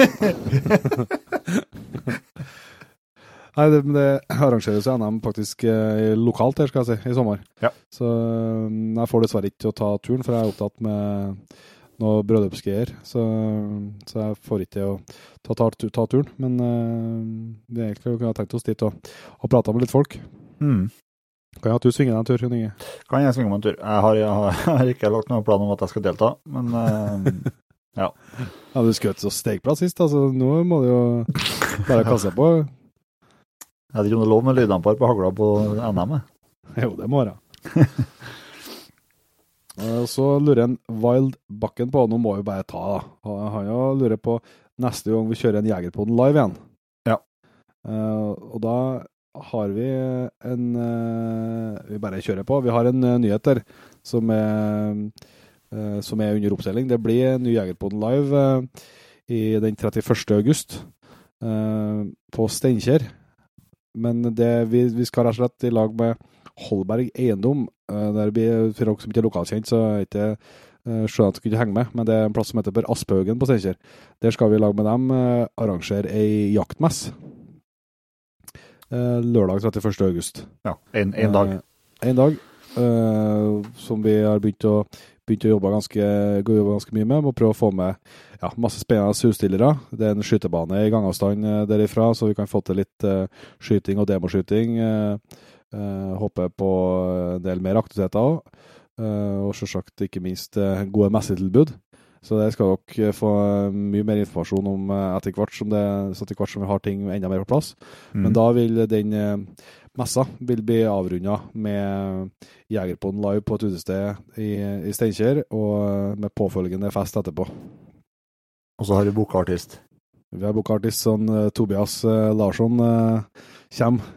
Altså, han, han slipper forresten en ny sang på, på Spotify i dag, så bare sjekk ut. Så nei, det, det, eh, vi skal komme med mer info om det, selvsagt. Men eh, alle som har mulighet, sett av 31. august, noter det i kalenderen, for da det har vi veldig trua på at blir en uh, veldig bra dag for, for jegere. Vi håper jo selvsagt at det kommer veldig mye lokale, men at det kanskje er noen som, uh, som velger å ta turen lenger. Og jeg tror det kan bli et, et veldig artig arrangement hvis vi får det til som vi har planlagt, i hvert fall. Ja. Så da blir Jegerboden live. Det blir det. Nå er det første gangen, Petter. Nå kommer et spørsmål her. Lasse Nedreberg han lurer på hvordan strategien for Jegerpodden er for framtida, og hvor langt fram planlegger vi episodene angående tema og gjester. Ja. Eh, strategien framover er å kjøre på. Vi Det har du faktisk fått en del spørsmål eh, liksom om vi lever av dette nå. Ja. det kan jeg si at det gjør vi ikke. Vi er faktisk vi i ferd med å være der at vi har dekket inn utgiftene våre. Ja. Eh, så langt, så det er vi jo, det er vi jo selv fornøyd med. Men eh, det er ikke noe vi, vi lever av. Altså at det vi gjør med Jegerpodden, det foregår stort sett mellom klokka åtte på kvelden og tre på natta. Men strategien framover er jo fortsatt. Det er jo fantastisk engasjement blant dere som hører på. Eh, masse folk som har lyst til å støtte oss på Patrion. og, og folk som kjøper av oss nettbutikken, som, som gjør at vi ser at det kan være, kan være mulig å, å, å fortsette med det, og kanskje etter hvert kunne tjene seg noen kroner på det, som gjør at vi kan bruke enda mer tid. Det er jo, det er jo liksom det store målet. Så strategien er jo å ta vare på alle de gode tipsene eh, som dere som hører på, gir oss med hva dere vil høre på. Hvem dere vil, kan se for dere som gode gjester osv. Og, og prøve å følge opp det og få til gode samtaler med dem. Ja, vi, har, Så, vi, har, vi har lang, vi har jo lang list med tema og gjester som, som noe har vi funnet på sjøl, og noe har vi fått tilsendt fra, fra lytterne. En lang list. Eh, skal være så særlig som at vi i år har vært, eh, jeg har vært litt for dårlig på planlagt i god tid. Uh, der blir det veldig forbedring på til neste år, eller fra etter sommeren. ja, Vi har ligget litt sånn eh, Det er jo litt på hekta hele veien, men Ja. eh, vi kommer jo alltid gjennom. Så, på, vi, så målet vårt, sånn for å svare på det, jeg vet ikke hvor interessant det er, men målet vårt er at vi skal eh, egentlig ha en episode eller to i banken, for å kalle det det, eh, hver uke. Sånn at vi, eh, vi er på, på forkant. Ja. Så det er på et vis eh, målet hvor langt fram vi planlegger. Og så prøver vi å planlegge litt sånn strategisk, selvsagt, eh, med at det kan prøve å klaffe imot jaktsta, ulike jakt... Altså, Jaktstart, eh, jaktstart, ja. så prøver vi å gjøre litt, eh, gjøre litt sånne ting. Ja. Eh, og, og så prøver vi å, å, og at det skal være ganske bredt, da, så at det blir mange forskjellige jaktformer. Både det vi driver med sjøl og har erfaring på sjøl, men også ting vi ikke kjenner noen ting til. Og at det skal være eh, ja, litt mer Noen som er litt mer sånn ja, faktabasert, skal jeg si, med folk som er litt mer eksperter, for å kalle det det, og, og noen som er kanskje enda mer sånn på historier og opplevelser og sånn. Så vi prøver jo å få til et, et slags, eh, slags mangfold. Så vi har i hvert fall ikke noe, vi har i hvert fall ikke noe eh, mangel på, på ting vi kan prate om, føler vi. Så, så er strategien å, å få til mest mulig aktivitet og gi mest mulig tilbake til dere som, som velger å både støtte oss og bruke tid på å høre på oss, uh, i form av konkurranser og, og uh, innhold og det vi kan, kan gi tilbake. Ja, og så er det jo, er det, jo det at uh, du, har, du har 100% jobb på sida av. Uh, jeg driver og går, pluss at jeg tar på meg noen jobber i tillegg. Uh, begge har unger. Så det, det, er jo, det er jo ei tidsklem som vi har her, som, som, vi, som er veldig artig, da. Det er jo Ja, artig tidsklem ja, ja. å se Det artig. For det er jo en helt sjuk respons. Men vi skal være såpass ærlige på at vi, at vi har et mål om at vi kan klare å tjene såpass med kroner at vi har, kan ha muligheten til å ferde rundt og treffe alle gjestene. Ja, det har vært en drøm. Uh, at, vi kan, uh, at vi har bestemt oss for en gjest, så kan jeg og du sette oss i bilen og så kjører vi dit, og så får vi liksom tatt, uh, tatt opptaket med dem over kaffekopp, da. Mm. Eller pils, eller ja. For, det, for det er ikke noen tvil om at praten flyter jo lettere da enn når vi sitter på en videosamtale som vi gjør nå. Jeg og du til meg, og da går det bra, for vi sitter jo sånn hver uke. Yes. Opptil flere ganger i uka. Det vil jeg si er kanskje det langsiktige målet, da. Ja, det har vært helt fantastisk å få til. Og at, uh, at uh, Jegerpodden skal altså, utvikle seg. Og da vil det legge at, uh, at vi skal bli bedre på lyd, og vi skal bli bedre på innholdet, og at vi skal ha enda mer innhold å tilby. Uh, for litt i det å gjøre at kanskje at vi kan få jakta enda mer enn vi gjør nå. Ja. Og jeg er jo ganske sikker på at dess, eh, dess mer vi jakter, dess bedre kan jegerpoden bli. da. Jeg tror det er en sammenheng der. Så, Ja. så det er jo et, et mål, selvsagt. Og Så at vi skal klare å gi enda, enda mer tilbake til, de, til lytterne. Yes, og ikke minst eh, både Team Jegerpoden og Patrons. Yes. Eh, og så Stian eh, Lauten. Han lurer på hvis vi skal være verdt én jaktform resten av livet, hva er jeg verdt da? Jeg har sikkert eh, hørt at det har blitt spurt noen ganger. Vi har jo vært inne på favorittjaktform. da, så jeg, akkurat der jeg, For noen år siden så har jeg nok sagt uh, fuglehund, med- eller skogsfugljakt på fuglehund. Uh, men nå er det noe uh, løshundjakt på elg. For at ikke vi skal svare det samme, så sier jeg revjakt med støver. Ja. Det er bra, det. Du får lang sesong og kos deg. Det er han Morten Lund, han, eh, du har lagt ut et bilde til oss stående her. Ja. Han lurer rett og slett på hvem er hvem til oss. Ja, sånn, ja. Eh, jeg er Jon Petter, han kjekken. han kjekker han kjekker til venstre på bildet. Det vi kan se, for det som skjer også, er det, er det mm, er det som er litt lengre og krokete i ryggen. Ja. Og så er det du som er, har lite hår og er artig kortere enn meg. Lite hår. Det var dine ord. Og så en jeger Asbjørn her som lurer på når, dere, når vi er med på hjortejakt. Uh, og det må jeg si, da, Asbjørn. Uh, vi er med på hjortejakt. Vi jo, jo, var så heldige å få tilbud av deg i fjor. Mm. Da fikk vi det dessverre ikke til. Men uh, det er definitivt et av både ønskene og målene mine for høsten som kommer, at vi skal kunne få bli med deg på, på hjortejakt, og kanskje spesielt da på brødjakta, som jeg må ærlig innrømme frister ganske bra. Mm. Ehm,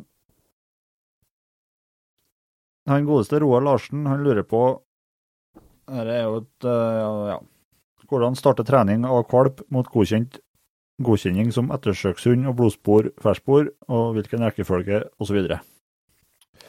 Beste tipset jeg kan gi, det er å sjekke ut eh, episoden vi spilte inn med eh, Arne Jørstad. I, det er bra akkurat et år siden, tenker jeg. Hvis Ja. du går tilbake i arkivet, så finner du, finner du den. Der er det veldig mye gode tips på det. Episode Um, fem-seks eller noe sånt. Ja, Fem, seks, sju, ja, kanskje, ja, Ja. der omkring.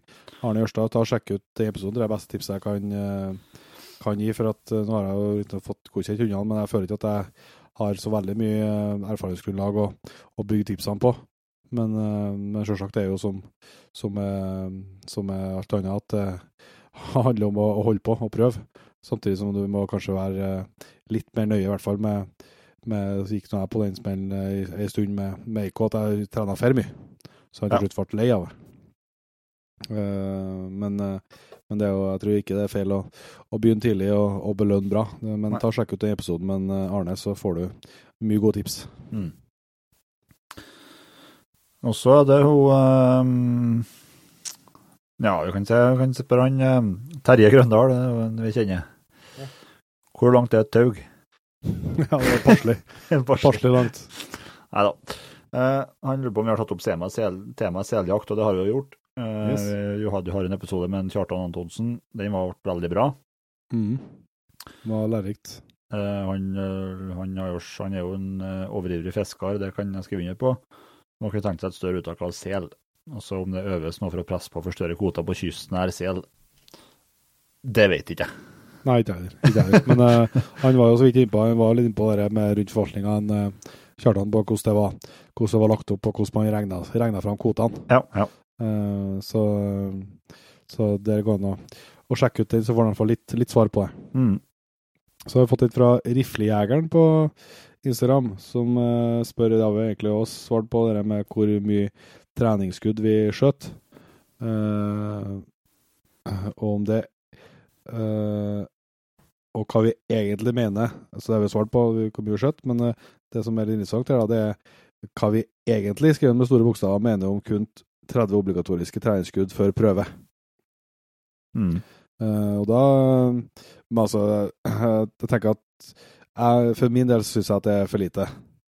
Eh, for at jeg Ja, som vi var inne på før, jeg, sånn er vi begge to, Jon Inge. Vi tar jakta veldig, veldig seriøst. Selv om vi tuller mye med hvordan, hvordan ting går, og, og er åpen på når ting går dårlig, så tar vi dette veldig, veldig seriøst og prøver å å gjøre så mye tiltak som vi, som vi klarer, egentlig, for å være så godt forberedt som mulig.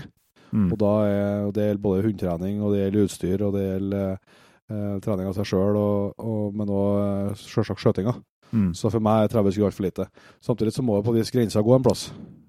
Eh, og så er spørsmålet om den eh, skulle ha gått på 60, eller på 50, eller eh, om det skulle vært 30, men det skulle vært krav til å skutte sånn og sånn.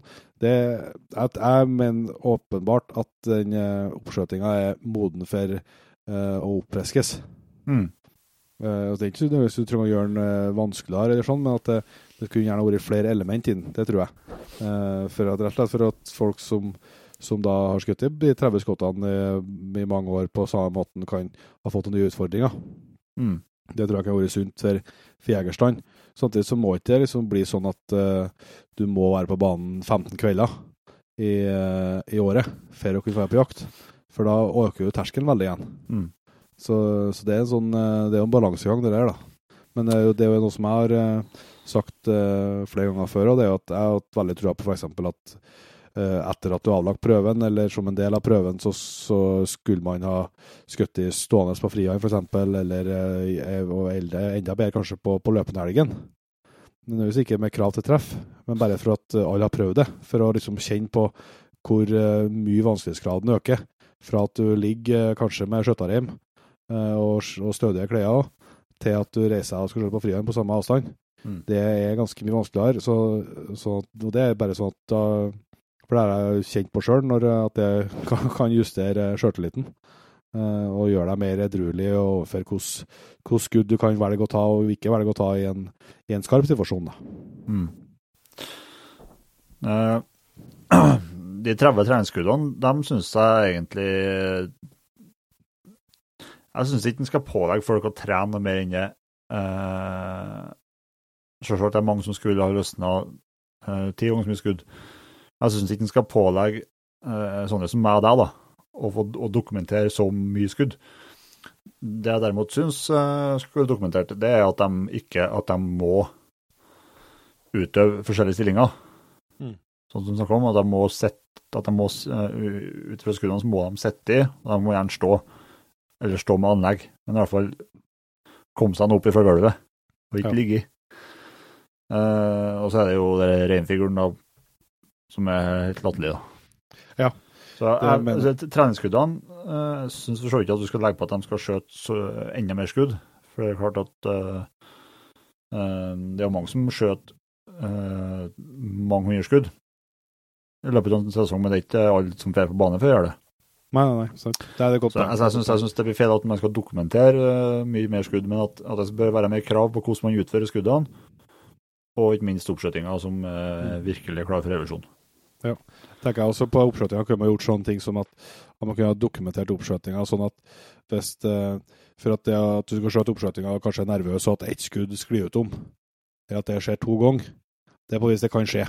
Ja, ja. Eh, Du ligger der og du er litt, eh, du er litt nervøs og får et dårlig avtrekk. Det kan skje. Ja. Kanskje er den beste. Men, men at uh, Kunne gjerne synes jeg har vært et krav liksom, at hvis du ikke klarer f.eks. oppskjøtinga 30 ganger, nei, da, da rykker du tilbake til start og 30 nye prøveskudd. For at det, er på, det mener det er en indikasjon på at nå ikke er der det burde vært. ja. Jeg tror det er som de ikke klarer på ti forsøk. Ja. Så, så at det ikke er noe sånn at eh, du, du kan ligge og, og skjøte og skjøte og skjøte. For at eh, den bør eh, strengt tatt være såpass overkommelig, den uh, skytterprøven, at hvis, uh, hvis du er på tredje gangen og ikke har klart det, så er ikke det noe, tror ikke det var noen krise eller noen skal skjemmes over. Nei. Men da, da må han trene mer. Så enkelt er det. Ja, og så, jeg, har jeg lyst til å snakke om å si at eh, to, to, uh, to eller tre av skuddene kunne vært legene, og så to eller tre kunne vært settene. Ja. Kanskje kunne jeg ha dratt inn at det skal være at du har et ja, at du skulle hatt et stående skudd, da. Men um, Mm. i hvert fall at du, har, at du har, burde, bør både ligge og sitte, ja. Ja. Nei, jeg håper det blir revisjon på det snart, for det, det henger ikke på greip. vet du. Nei, og jeg mener at det også er sånn som jeg syns gjør det kanskje litt unødvendig. Og så det har jeg bare sagt der at hvorfor kunne ikke bare vært en, en, eh, en hvitflekk f.eks. midt i ringen på, på reinen? Ja. For å liksom tatt bort eh, det. For at på et, eh, på et vill så, så har du alltid mer konturer og sånn likevel, enn du får på en helt svart, svart bakgrunn. Ja. Så en sånn enkel greie som det òg, syns jeg hadde vært, vært fornuftig. Så Men eh, nei, så det er mer absolutt det er moden for å se på og utvikle den videre, men eh, jeg er ikke eh, er ikke nødvendigvis overbevist om at det er å, å pålegge mer skudd som er veien å gå. da. Nei. Jeg tror hvis, det, hvis alle har måttet, jeg tror at hvis folk har måttet skutte stående på frihånd, eh, så tror jeg at det hadde, spesielt på, kanskje på løpenshelgen, helgen, men òg bare på, på reinsfiguren, hvis alle hadde, alle hadde gjort det, så tror jeg at eh, det har fått noen effekter, mener jeg. At du kanskje har kjent at eh, OK, her er ikke noe jeg skal prøve å gjøre på jakt. Og kanskje hadde gitt for, mange og gitt et ønske om å trene mer. Mm. Så, så det har jeg litt trua på. Mm. Yes. Endelig på å nærme deg, eller? Jeg har noen eh, Kan lure til noen andre, ja. Jeg tror vi må, vi har jo litt andre planer, så jeg tror vi må runde av snart, men ehm, Men det er ikke så mange igjen der, sjø. Nei. Men uh, det er ett her på uh, Skal vi se, jeg skal bare finne tak i det.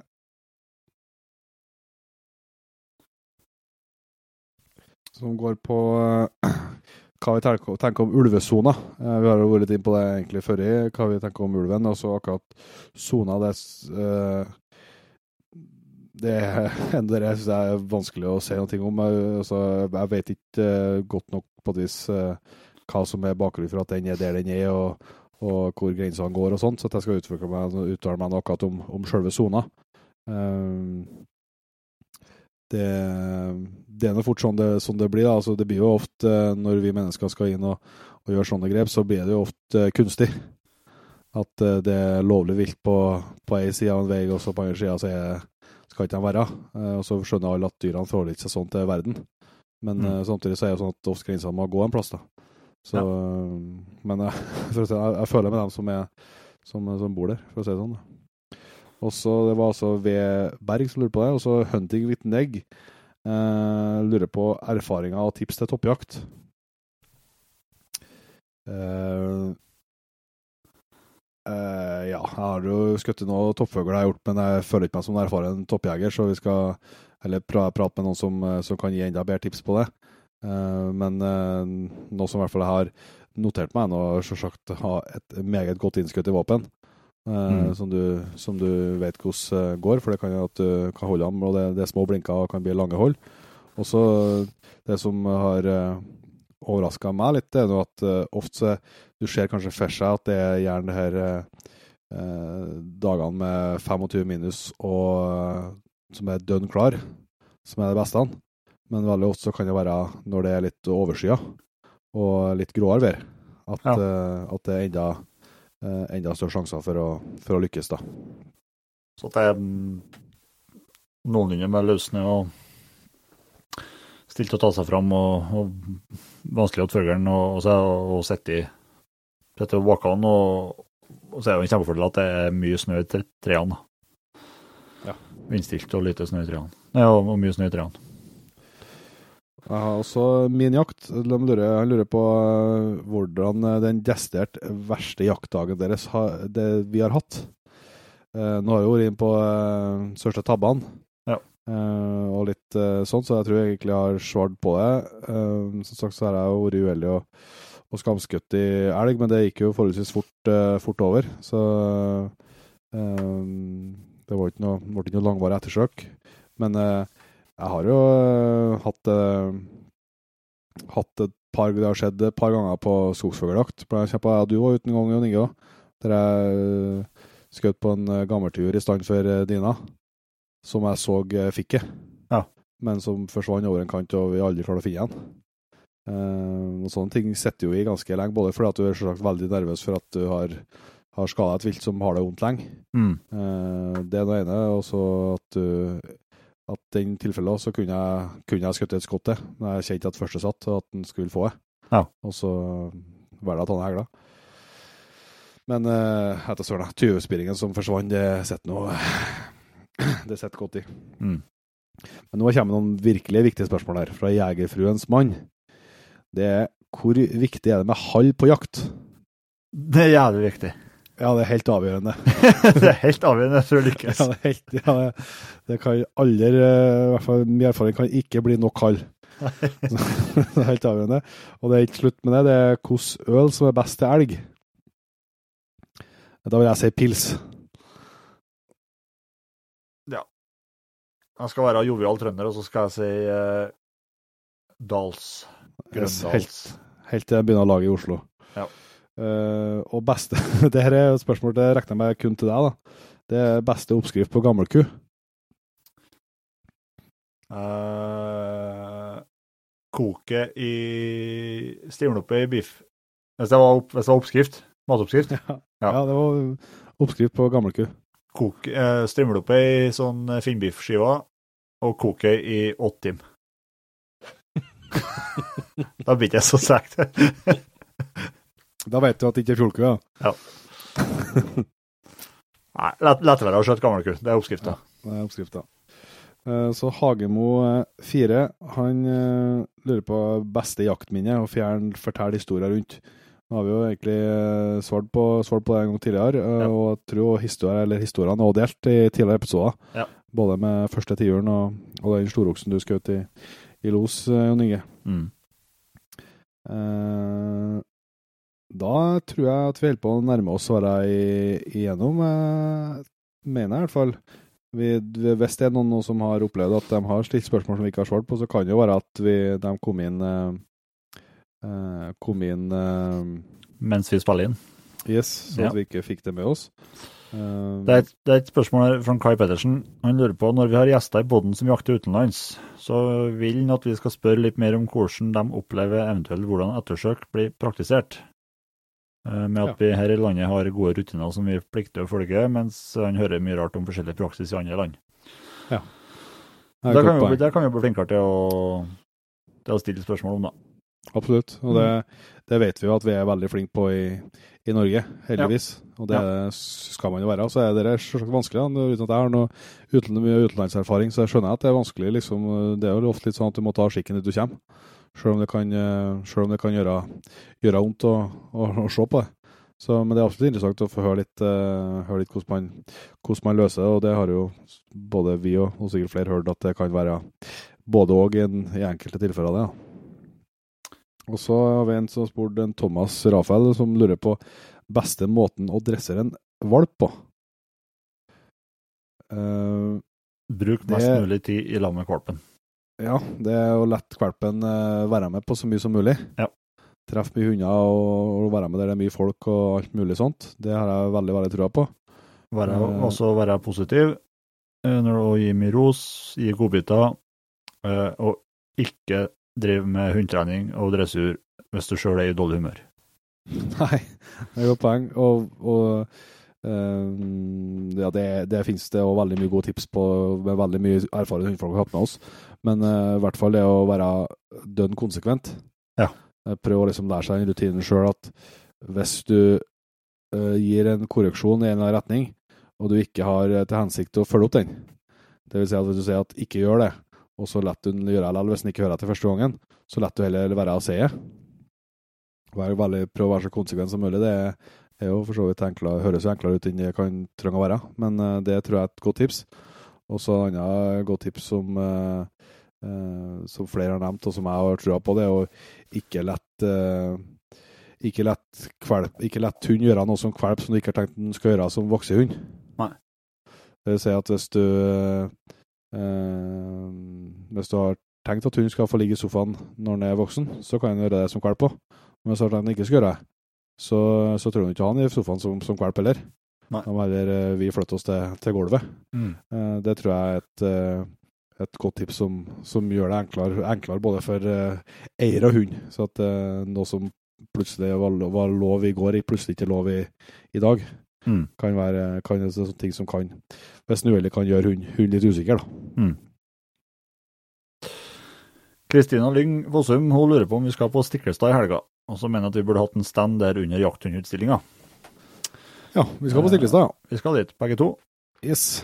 Det, det blir jaggu meg konkurranse, ja. Dæken ta med hunder som er påmeldt. Ja, så det. Så det blir kjempeartig. Eh, så det skal, de skal vi ha. Vi blir ikke noe stand, da. Men eh, eh, vi tar jo sikkert, eh, hvis det er noen som hører på som skal dit, eh, så må dere jo, Så skjer to fuglinger, så må dere komme innom og komme bortom og slå av en prat. Eh, og vi tar sikkert med noe eh, stæsj i, i bilen. Ja. Så hvis det er noen som eh, kan ha tenkt seg noe Jegerpodden-stæsj, så skal vi i hvert fall eh, ta med, så vi har litt, har litt utvalg med oss, selv om det ikke blir en, eh, blir en stand. Men eh, Jeg gleder meg til utstilling, faktisk. Nå du har sikkert litt med at jeg skal stille sjøl, men, eh, men nå hadde jeg jo faktisk eh, besøk fra Innherred hundeterapi i går, eh, og fikk uh, fulgt opp det tipset som Linda kom med når vi hadde laga episode med hun og Marianne om, om utstilling. Ja. På det med eh, så gode tips på å, å sjekke ut eh, sånn eh, Det en massasje og så sånn laserbehandling for å eh, ja, være sikker på at, eh, at eh, ganglaget er rett, da, hvis de ikke har noe ondter som du nødvendigvis ikke vet om. Eh, Så det var, de var innom, var innom her i går kveld og, og behandla både Eiko og Tinka. Og det må jeg si at jeg fikk eh, jævla trua på. oss. Ja. Um, jeg har jo sett på Tinka noen ganger at hun kan, kan virke som hun liksom stiver ene bakfoten og ut og springer. Um, og, så det snakka vi om, og hun klarte jo å finne noen punkter baki ryggen, eller krysset, som det gjorde vondt når hun trykte på. Ja. Eh, og så er det liksom hun hører vondt. Hun var ikke sånn piping, men hun liksom svikta til. da, Og liksom prøvde å sette seg og ville unna. Så det var tydelig at hun syntes det var ubehagelig. Men etter massasje og sånn eh, lasergreier, så trykte jeg på samme punktene, og da var det ikke noen reaksjon. Nei. Så det hadde helt tydelig Ja, det, var, det må jeg si at jeg var litt sånn skeptisk på, på forhånd, men eh, det må jeg si at jeg fikk veldig, eh, veldig trua på. Så jeg har i hvert fall bestemt meg for at jeg skal minimum ha en runde før jakta. Ja. Uh, jeg tenker kanskje jeg skal prøve å ha en sånn uh, Det blir jo litt sånn når du legger opp uh, treninga nå, er jo springing og, og sykling og sånn, og så begynner å øke på øke på øke på med det framover. Og sånn blir jo litt slapping når vi kommer litt ut i august. Så jeg tenkte at jeg skal ta en sånn behandling igjen, i hvert fall liksom imellom den perioden du begynte å slippe og at jakta starter. Ja, ja. For å være sikker på at det er på plass til, til jakta. Mm. Så nei, det fikk jeg, fikk jeg trua på, altså. Ja, tøft. Tøft at den skjer på progresjon så fort. Ja, det var, og de, ja, det, de syntes jo det var kjempegodt, hundene, selvsagt. Og de var litt sånn i starten litt sånn, ville jeg skjønte ikke hva jeg holdt på med, men så syntes de det bare var, var godt. Så det var Nei, det var det har jeg drar på. Mm. Jeg har ikke, jeg har, jeg har ikke så store forventninger at, jeg har ikke så store forventninger til helga lenger, for eh, nå holder jeg på å røyte. Så eh, ja. Jeg skal stille, så får vi se. Ja. Det jeg syns var jævla positivt, det var at de, uh, Elgenklubben som arrangerer, har jo lagt opp til uh, at man har muligheten på fredagskvelden, altså kvelden før utstillinga, til å komme ned på samme område og være med og uh, Så kommer et handerteam Ja, det så jeg. og gi tips og triks. Mm, det var veldig bra. Det lurer jeg på. Jeg skal prøve å se om meg på. Og vi tenkte på det, vi òg, men uh, Tikk har fått løpetid. Så jeg tenkte skal ikke eh, det blir, Vi blir vel plagsomme nok på, uh, på utstillinga. så vet du nå det, når du kommer nedover med hannhund. Nå ble jeg litt matt. Nei, Ja, det, det, det vil ikke være helt eh, eh, blodhett, for å si det sånn, da, før jeg er over helga. Men, eh, men jeg starta på det, ja, gitt. Men vi har sjekka ut, da, så vi får lov til å stille og lærte oss hvordan vi, hvordan vi skal gjøre det. Trikset er å prate med, si ifra til, til ringsekretæren. Ja. For det er ikke noen regler mot å gjøre. Men Nei. si vi til ringsekretæren at det er tilfellet, og så vurderer dommeren og ringsekretæren om eh, hun skal stilles eh, alene. Ja. Eh, Eller om hun får, får gå med, med resten av hundene. Så det er sikkert veldig mange som setter pris på hvis du ikke står med og rett ut ved ringen i hele dagen. Ja, det er, det er plan å hente akkurat det vi skal stille. Så det er litt uheldig, selvsagt, men det er liksom ikke så, det er så lenge til, til neste utstilling i nærheten. Ja, ja. At uh, det, vi var litt sånn i to tanker. Men uh, vi prøver nå, og så eh, går det noe helt skeis, så, så må vi nå bare trekke oss, da. ja. ja men det, der, det der går jo greit. Du merker ikke noe. Ja, nei, det er sant. Det er godt poeng. Nei, når det er tidlig, så har det ikke så mye å si. Det er hjertelig, og det er jo typisk det er flaksen din, da. Ja, ja, men uh, samtidig så er vi jo inne på et veldig greit spor, da. For nå blir det, ser det ut som det blir løpetid på sommeren og på desemberen, januaren. Ja. Så det er et veldig gunstig spor for jakta sin del. Ja. Nei, skal vi komme gjennom resten, Petter, så tror jeg vi avslutter spørsmålsrunden nå. Yes, så tusen takk til, til alle som har stilt spørsmål. Dette tok mye Eh, lengre tid selvsagt, enn hva vi forventa. Ja, nå er ikke så gode til å svare kort her, da, så vi må skylde på oss sjøl. Tusen takk til som stilte spørsmål. Dette fristet til gjentakelse, sier jeg. Det var artig, å- artig å få litt, uh, få litt sånn input. Uh, og at, uh, hvis det er noen som opplever at dere har stilt spørsmål og ikke fikk svar på dem, så beklager vi det. Det kan være enten at vi ikke har rakk på det, eller at vi ikke så dem, rett og slett. Mm. Men vi går videre i programmet, ja. Yes. Et tilbakevendende tema er jo jaktbil. Ja. Eh, og du eh, slo jo til på en, uh, på en ny jaktbil uh, litt tidligere i vår her. Og da kunne ikke jeg være dårligere, selvsagt. Nei. så, så jeg kjøpte ny Hilux, eller ikke ny Hilux, men nybrukt ny Hilux i, i vekka her. Så skal jeg hente den over helga her, så det gleder jeg meg veldig til. Mm. Så det betyr nå at det dukker opp en, en hvit, uh, deilig Jegerpodden Hilux uh, til salgs her, hvis noen er interessert. Men uh, det gleder jeg meg på.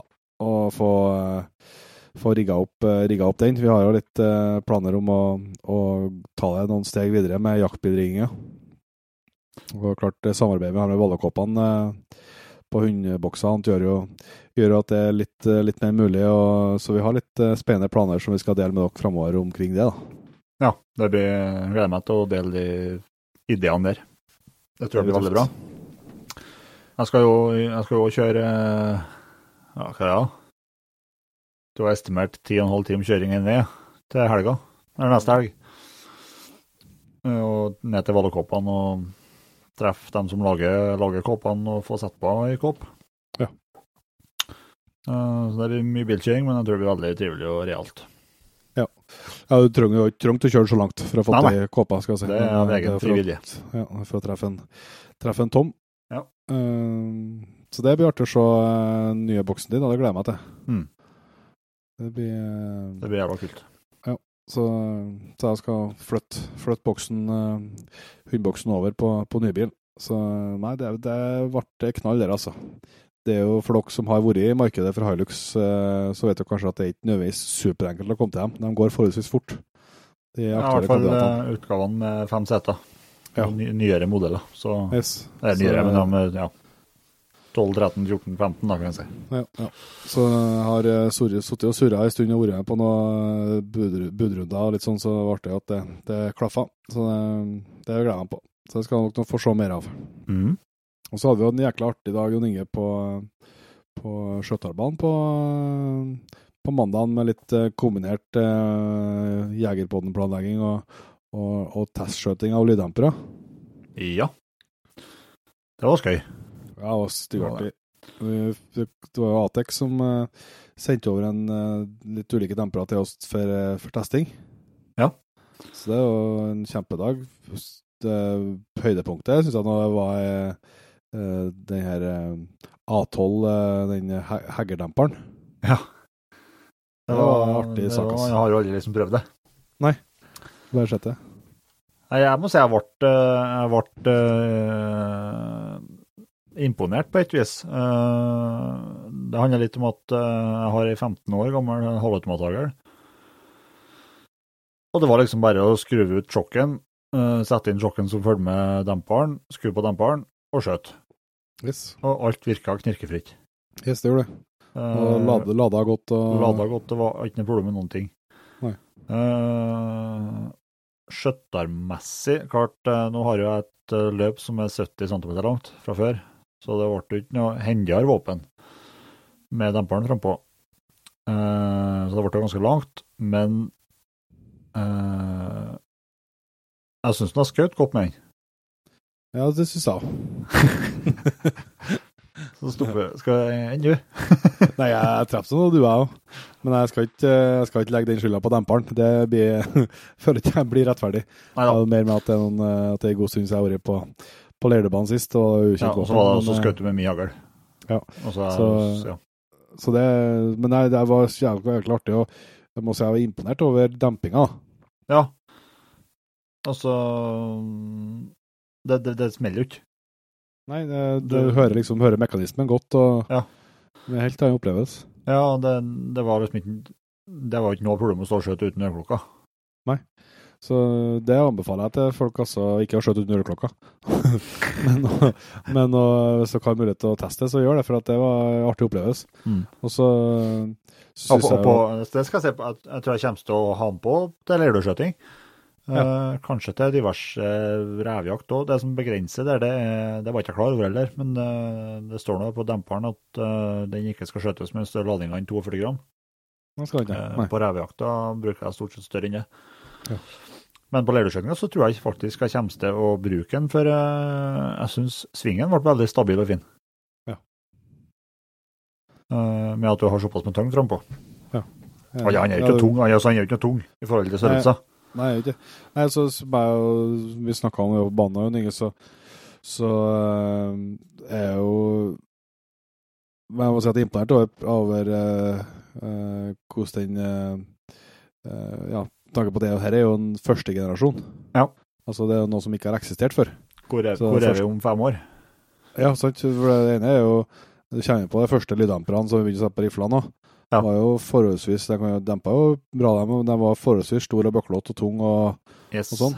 Det har skjedd ganske mye, og det er jo takket være sånne firmaer som, som, eh, som tar produktutviklinga seriøst. Så, nei, så er det kjempeartig at de både tester og prøver å få det til så, så bra, og så blir det veldig spennende å se hva som, eh, hva som kommer fremover.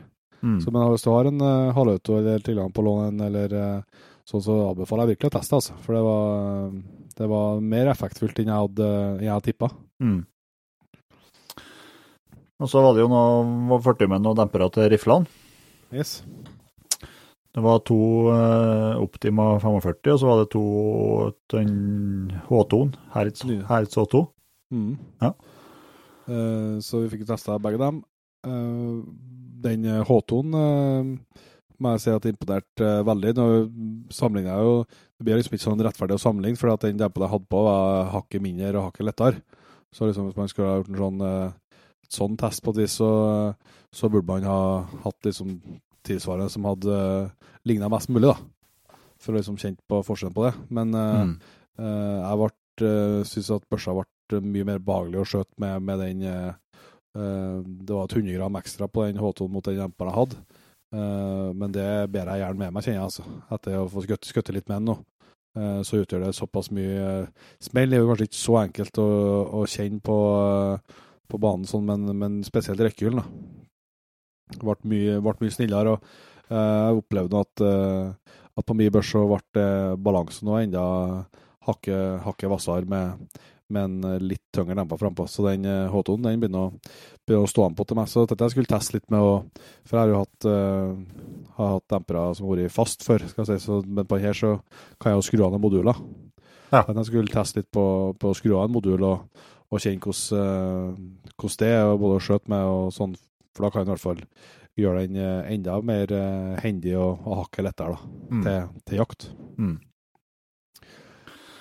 Nei, jeg hadde jo en, eh, fikk en H2 som, eh, som jeg prøvde på nitreen. Eh, Jeg har jo minske, den minste Hausken-demperen fra før, så det blir veldig feil å sammenligne de to. Ja.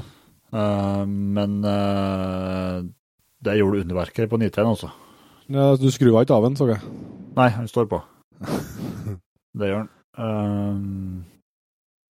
Um, jeg jeg, jeg merka fort at, eh, at jeg skjøt bedre. eh, og det ble jo selvsagt pga. størrelser. eh, Mindre smell og voldsomt mye mindre rekyl.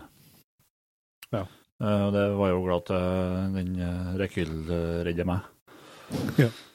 Jeg fikk jo helse på ja, helse på ditt da.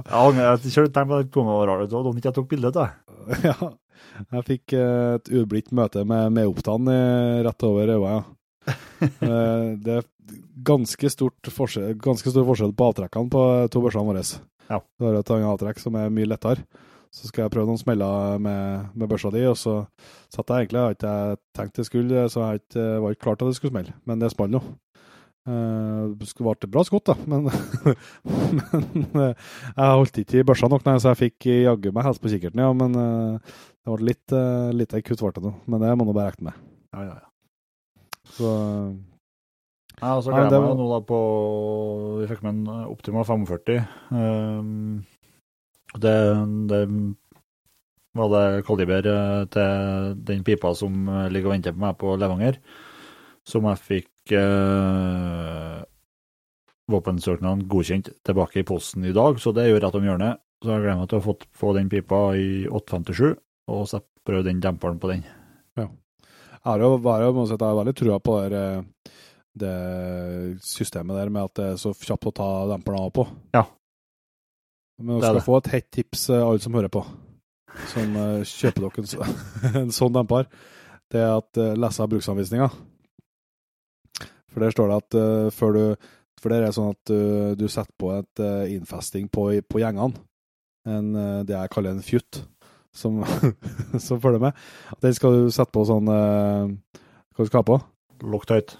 Loctite. Uh, sett på det først, før du skrur på den. Uh, ellers er du sånn idiot som meg, så skrur du den rett på, og så skrur du demperen på etterpå. Da sitter den jo så klart ikke fast, så når du skrur av demperen, så blir det innfestinga med. Eh, så ta deg de to sekundene og lese bruksanvisninga, så følger du med. Men, eh, men det er artig at jeg fikk til fikk å skutte fordi jeg fikk teste den. Ja, ja, ja. Ohoi. Så det var Men har, eh, det blir bra, for det, eh, det er sikkert ikke feil å, å ta demperen, eh, demperen av oftere enn enn hva jeg har gjort tidligere. Nei, jeg tror det er viktig. Og så var det jo kjekt med Mirage-bånd, ja. det skal sies. Det merka jeg stor forskjell på. Jeg har jo tidligere brukt uh, teip og kamoteip og diverse rundt demperen, men uh, det ble forskjell, ja. Ja. Selv om jeg måtte kappe, kappe ganske mye. Og kortest, kortest laget. Ja. Bare det. Det var en kjempeartig dag på, øh, på øh, banen. Og sånn litt sånn test, Vi er jo ganske interessert i jaktutstyr, så det å teste litt sånn, det, det frister til gjentakelse. Yep.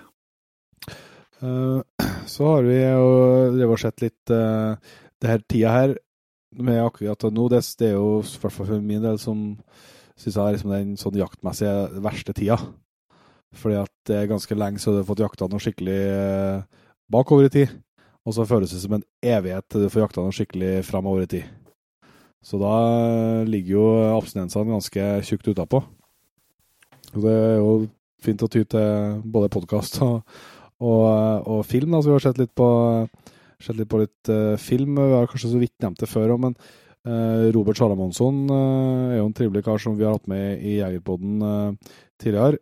som er kjent som en, med, med, rette, kjent som en meget habil jeger. han har jo en del jaktfilmer.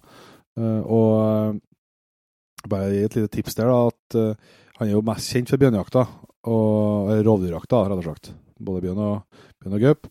Og det har han jo laga veldig mye bra filmer på det. Men jeg har jo sett gjennom de elgjaktfilmene jeg har laga, uh, og de er sinnssykt bra, altså. Helt uten tvil. Så det er et meget hett tips til alle som kjenner elgjaktabstinensene godt, opp i, godt opp på ryggen. Så sjekk ut dem, for både, det er jo ja, det er en del løshundjakt, men òg en del lokkjakt. da. Men utrolig mye flotte scener. De har jo fantastisk fine jaktterreng, og, og de er jo Nei, det må jeg si at de var litt sånn var litt, litt ny for meg. Men uh, For jeg har liksom bare sett, sett. Men de elgjaktfilmene er kjempebra, så det er verdt å sjekke ut. Ja, altså, jeg, jeg, jeg syns det er noe av det beste, beste elgfilmer jeg har sett. Uh, fordi at det er variert jakt. Altså det er ikke bare løsning, det er variert jakt. Og så er det, er det ei fin spredning med, med okser og kalver og Det er så variert at det blir liksom ikke kjedelig. Nei, nei det er ikke bare ku og tvillingkalver, nei. Nei, så det, de er virkelig bra, altså. Ja, men, så det er verdt å sjekke ut. Og så har det jo skjedd ting, dere som uh, er patrions. Uh, vi delte jo en bonusepisode med dere for et par uker siden, og der hadde vi jo blant annet med en Rasmus Bostrøm. og Da fortalte han litt om bjørnjaktsfemmene, som de sier i Sverige. Altså svensk bjørnjakt 5. Mm. det har vi sluppet de to første delene av den filmen nå på Bearplay. Mm. Det er vel òg bare å anbefale. Ja, absolutt. Uh, Selvsagt, den er litt annerledes enn de, de, de første foregående filmene. Det er litt mer, Du får høre litt mer historier om, om selve jakta, opplegget før i, hva som har skjedd. Og så er det litt uh, mer fokus på at det er ikke bestandig det går bra. da. Altså at de plages, dem òg, som vi andre, andre dødelige jegere gjør. Ja. Så, så, plages de litt, dem òg. Men det er veldig mye tøffe fellinger. Uh, nære hold og bra filmsekvenser. Det er det absolutt. Så det anbefales, ja. Ja, det er bra. og som sagt så, så, kjenner vi jo, vi og sikkert mange som hører på, på abstinensene og, og utenfor jaktfilm, så kan en jo bruke tida på litt utstyr. Uh, det er da ikke noe, noe spons her, altså, men uh, vi sitter nå og, og, følger med på uh, forskjellige nyheter. Uh, noe som du har vært litt opptatt av, det er at annet Vihunt kommer med en, med en ny hundeenhet. Ja, det har skjedd ting. Jeg kan jo si to ting. da. Trekker har kommet nytt bånd. Ja, mens det Artemis. Mm. Du skal gå på 4G. På, så du går på 4G-nettet, ja? Ja, stemmer. Mm. Det er jo spennende. Det var vel bedre batterikapasitet på det. Bånd som var mer tilpassa hundens ergonomi, hva det sto. Mm. Jeg tror ikke jeg kommer til å kjøpe det før jeg eventuelt uh, har behov for to. Nei, Men skal man jo kjøpe seg en trekker i dag, så er, da bør man gå for den. Ja, for det som er utfordringa her, er jo at uh, eh, det som har vært det nyeste fram til nå, den Supraen, den eh, har jo gått både på 2G og 3G-nettet. Men så Ja. skal etter hvert eh, 3G-nettet legges ned. Ja. Det vil si at da vil det være Det vil fortsatt fungere, men da vil det kun eh, fungere over det som er 2G eller Edge, da, som er kanskje bedre, bedre kjent som. Mm, mm. Um, og da får du ikke helt den samme Eller du klarer, du klarer ikke så enkelt at du klarer ikke å pushe like mye data gjennom et eh, 2G-nett som et eh, 3- eller 4G-nett. Nei. Så da, det setter litt begrensninger på, på den oppløsninga av data som, eh, som båndet kan tilby. Mm. Men det på eh, det nye bandet er jo på er et rent 4G 4G-bånd. Yes. Eller er kanskje bare 2 og 4G, det skal jeg si for sikkert. Men i hvert fall 4G. Uh, ja, og så så dere så jeg jo bladde litt i nettutgaven av den svenske villmarken i dag. Da så jeg jo at Vihunt uh, kommer med en utgave som heter GPS pluss. Så de har jo den brikken som de har hatt før. Hundbrikken. Uh, svart liten ting. Så nå har de kommet med en som heter GPS pluss, uh, som er litt større. Bedre rekkevidde, bedre batteri. Så den er litt større, og så er det egen antenne på den som stikker ut. da. Men hva Eh. er hvordan er en sånn størrelsesforhold mot en trekker, da? Nei, jeg tror den er mindre enn den, ja. Det tror jeg. Men jeg fortsatt så at du, det er ikke noe bånd, jeg tror det er så at du må liksom trene på et bånd sjøl, Ja, skjønner. som det så ut. Eh, det som er kult med den, er at du kan samkjøre den med, med Garmin via ei smartklokk, smart som eh, ja, støtter et eller annet format. Ja. Det er sånn som, eh, sånn som du kan med, med alfaen, skal jeg si. At du kan få at du kan speile, speil alfaen Ja. på, på klokka. ja. Stemmer, stemmer. Eh, jeg, har, jeg, har jo, jeg har ikke prøvd Vihunt sjøl. jeg jo, jeg er jo trofast trekkerkar. Jeg, vel, jeg hører mye skryt om appen, at den er bra. Ja. Eh, det er veldig mange som skryter av den appen. Eh, ikke så mye skryt å høre om hundeenheten, den gamle. en. Eh, så vi skal se om de lykkes bedre med den nye, nye nå. Ja, eller det som, eh, sånn er det litt for min del òg. Jeg har brukt Viant så vidt som, men da kun som app, på et vis som en sånn jaktlagssak. Ja. Med litt sånn poster og grenser og sånn. Eh, og Det har fungert, eh, fungert bra. Men eh, eh, jeg har liksom opplevd den, eh, den gamle enheten. Da, for sånn, jeg har opplevd den mer som en sånn For det er oppstarten, men eh, jeg vet jo at folk har brukt den annerledes. Men jeg har opplevd den som en sånn kaller det en sånn tilleggssikkerhet til Garmin. da. Ja. At hvis du, at du kan koble på en sånn, og så hvis eh, ja, hunden går utenfor dekning, så har du liksom muligheten til å få noen, få noen punkt mer som en sikkerhet enn, enn som en peiler. Uh, for det, sånne, sånne er, jo, er jo mange ulike typer sånne. Ja. Men uh, det er interessant hvis det er folk, eh, i hvert fall både, både nye og bør få litt erfaring på, på eh, det som er det er jo sånn det er slakt plusser og minuser med dette her. da. Altså, det er åpenbart veldig bra at det er konkurranse og produktutvikling, og at de eh, presser hverandre. Ja. Det er det som gir at vi jegere får bedre opplevelser. Og, Ja, Sånn, men samtidig så er det som er den evige utfordringa på peilfronten, er jo eh, de forskjellige systemene. da. I hvert fall for folk som, eh, som også fer, fer litt rundt.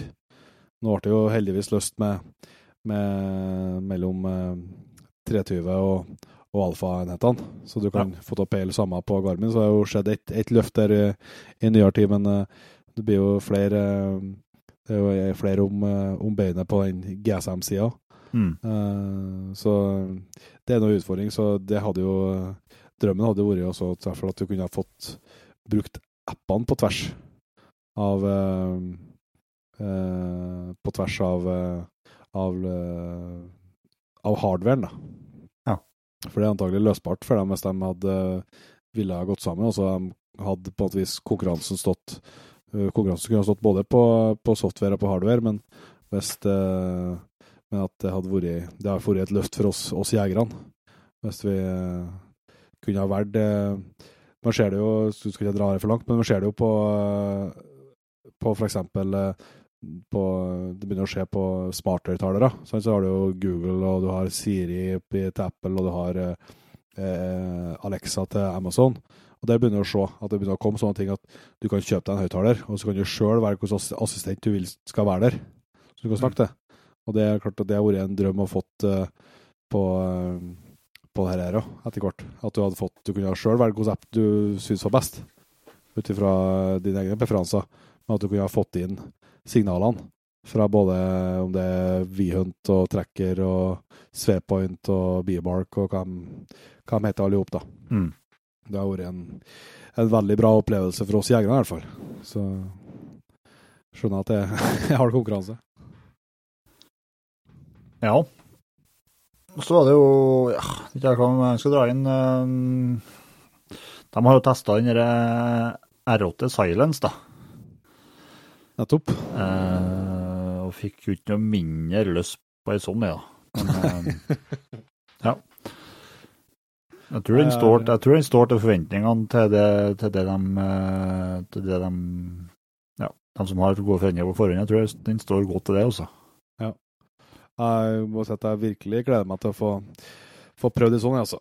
Det er jeg spent på. Både, vi fikk jo tafsa litt på dem på, på Camp Villmark.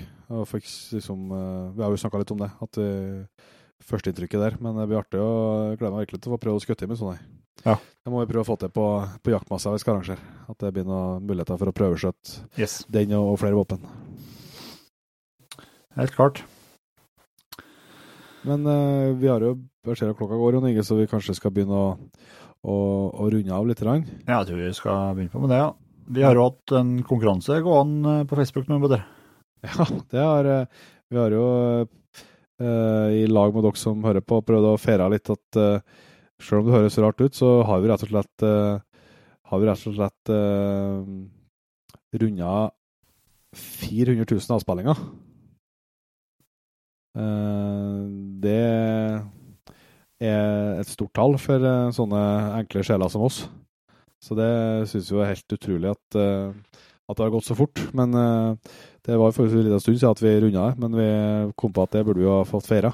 Så da la vi ut en konkurranse på Facebook og Instagram, og vi har trukket en, uh, trekt en uh, heldig vinner. En på Instagram og en på, på Facebook som får seg en uh, Jegerpodden T-skjorte og Jegerpodden Huv og Jegerpodden klistremerke. Mm. Så det var ganske mye deltakere. da. Jeg tror samla mellom så er det sikkert en 1500 deltakere, så det har vært en populær konkurranse. Ja. Så vinneren på, på Instagram det heter for Victoria Moen Tott. Yes. Og vinneren på. Og vinneren på Facebook heter for uh, Tor Erik Norstad. Så Gratulerer. gratulerer til dere. Vi sender dere melding, og tusen takk til dere som, eh, som deltok. Det blir flere konkurranser, så bare heng med. Og hvis det er sånn at du nå kjenner at eh, ja, men en sånn T-skjorte eh, det skulle jeg hatt med, så er de jo tilgjengelig på jegerboden.no på nettbutikken vår. Så det, det er muligheter, selv om du ikke var den heldige vinneren. Og så har det jo blitt en, heldigvis det er en fast post i episodene våre at vi får anledning til å si takk til nye patrons. Yes. Og det har vi heldigvis muligheten til å gjøre en gang her, og det kommer stadig flere til. Og det, ja, det er utrolig artig for oss, og det betyr mye. Så vi vil gjerne si tusen takk til en Åge M. Wilhelmsen. Og så er det Audun Hembre. Og her blir jeg vanskelig. Bear Sirgusa.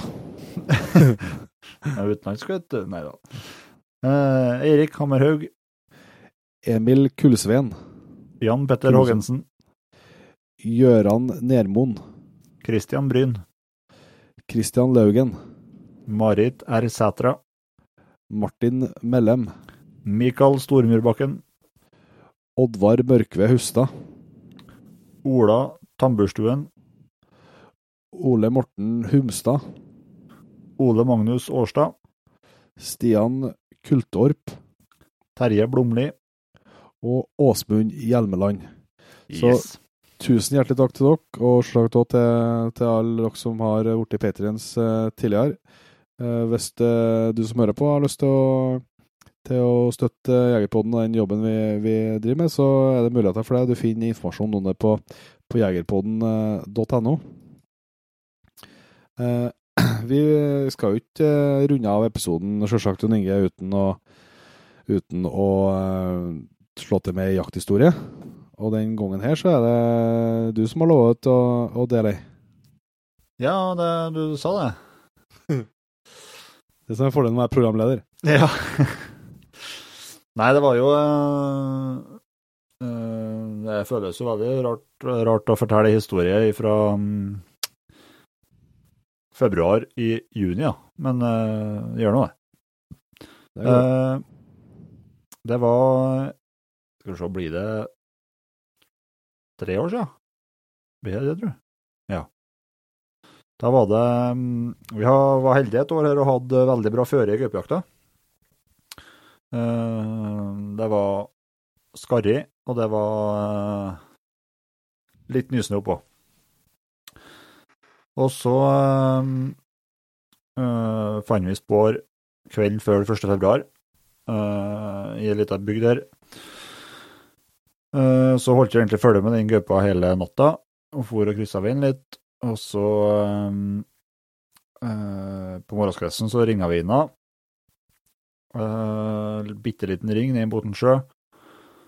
Og så samla vi folk og trodde det var her var bankers og greier, og vi visste det sto mye rådyr der, og, og trodde at dette skulle bli bankers-greier, da.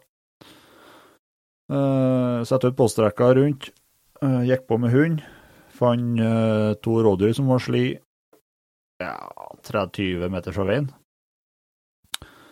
Ja, slapp på hund på sporene, og så ana vi ugler i mosen. Uh, hun det var, så mye, det var så mye spor nedi der. Og så tok hun uh, et bakspor ut av ringen.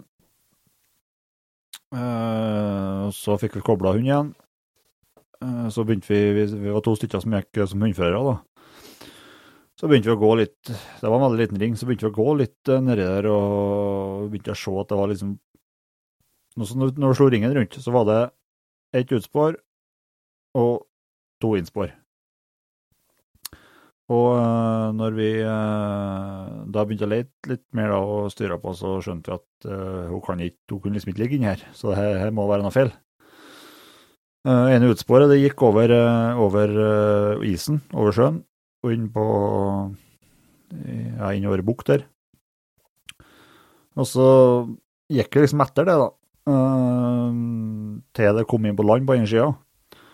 Og når vi kommer dit, inn på land, så er det, er det plutselig tre spor som går ut der. Um, hele turen over isen så ser det ut som det er ett gaupespor som går over. Så over flere hundre meter så, så ser det ut som at det er ei gaup som har gått flere meter over isen. Men så når vi kommer på land på den sida der, så ser vi jo at det er at det er at hun har gått ut der, da. Ja. Um, da begynner det å bli litt utpå dagen. Uh, da velger vi å ikke slå ring. Uh, I og med at vi har en stor sjø som grenser på ene sida, så setter vi ut bare påstrekk litt vilkårlig. Og så uh, peiser vi på hund. Uh, så er vi tre stykker som har liksom holdt på der og surra med sporene, så vi bare går etter. På hver sin side følger sporene, går på fotene, og så er det en annen som går på høyresida for å liksom skarre av ut mot høyre. Og så er det en på ski, da, som uh, går ned på sjøen, og så renner en på ski bortover langs sjøkanten. Uh, losen går, og etter kanskje ja, halvannen to kilometer, så tar hun ut gaupa um, rett ja, på en sånn høy klippe overom sjøkanten. Uh, det ber, rett etter uttaket så ber jeg bent ned på, sjø, ned på is, iskanten her, og full spiker uh, imot liksom påstrekkene. Uh, da er det ei helt syk fart på uh, hund, så hva som gjør det, det vet jeg ikke, men uh, gaupa har jo spist en del rådyrkjøtt om, om natta, og og um, ja, det var bra hundføre. Så etter 700 meter så blir det plutselig bom stopp. Null fart på hund. Uh, begynner å gå i ring og ring og ring og ring. Uh, og da skjønner jeg at uh, hun har ikke tapt sporet. Så dette her har enten krødd inn i steinhjul eller klatra opp, eller at det sto oss på bakkene eller sånt. da. Så jeg begynner jo å beinfly bortover med sko, da, i litt litt snø, snø var det. Uh, så har jeg jo en kompisen på nedsida som renner på ski, på isen. Uh, han renner jo en, far jo i viss større fart enn meg bortover, så han uh, kommer dit først. og da sitter jo Da er det liksom full los. Gaupa sitter oppi ei stygghøy gran. Og, og, og han, han skjøt henne der, da. Og det var liksom det var, det var, vel tredje eller fjerde året jeg jakta med egen hund på gaup. da.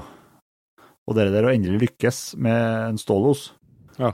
det var eh, Det var helt sjukt. Eh, jeg tror, jeg tror mye føre føre hadde mye av forklaringa. Det var jo helt, helt rått føre når, når vi foregikk på fotene, liksom. Men det skal det var, ikke være sånn før gaupejakta? Nei, det bruker jo å være meter med løsne. Så eh, Nei, det var helt, det var helt uforklarlig. og og det var liksom Ja, det var, det var så bra. Um, så, er sånn, så er det jo sånn at når man går som hundfører og, og eh, bestandig går og drømmer om en sånn situasjon sjøl, så, så, vet man jo aldri hva som skjer når ei, gaup sitter oppi et tre. Man kan plutselig dra derifra. Kan uh, plutselig hive seg til å dra derifra. Så, mm, og det var jo en, eh, en mann som absolutt fortjener å, å få felle gaup eh, og få, å få skjøta. Uh, leita bort massevis av team og diesel og greier på og leit spor og greier, så mm, Og det var hans første gaup, det òg. Ja. Vel fortjent. Ja, ja, ja. Så det mm, Det var den, ja. Første, første gaupa liksom som var i stålås for, for egen hund, ja. Tøft.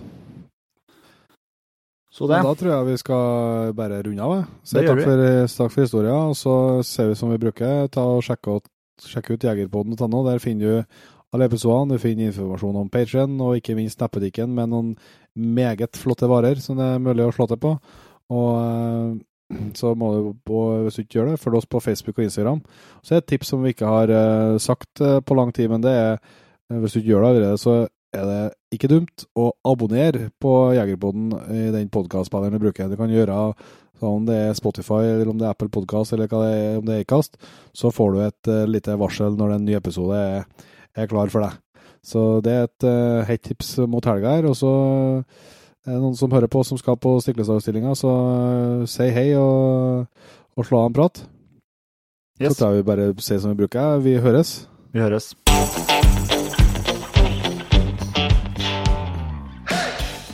Tusen hjertelig takk for at du valgte å bruke litt av tida di på Jegerpodden.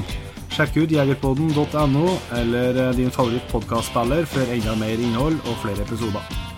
Følg også Jegerpodden på Facebook og Instagram, og ikke minst, husk å fortelle alle gode venner, familie og tilfeldige forbipasserende om Jegerpodden, sånn at vi får spredd det glade budskap videre.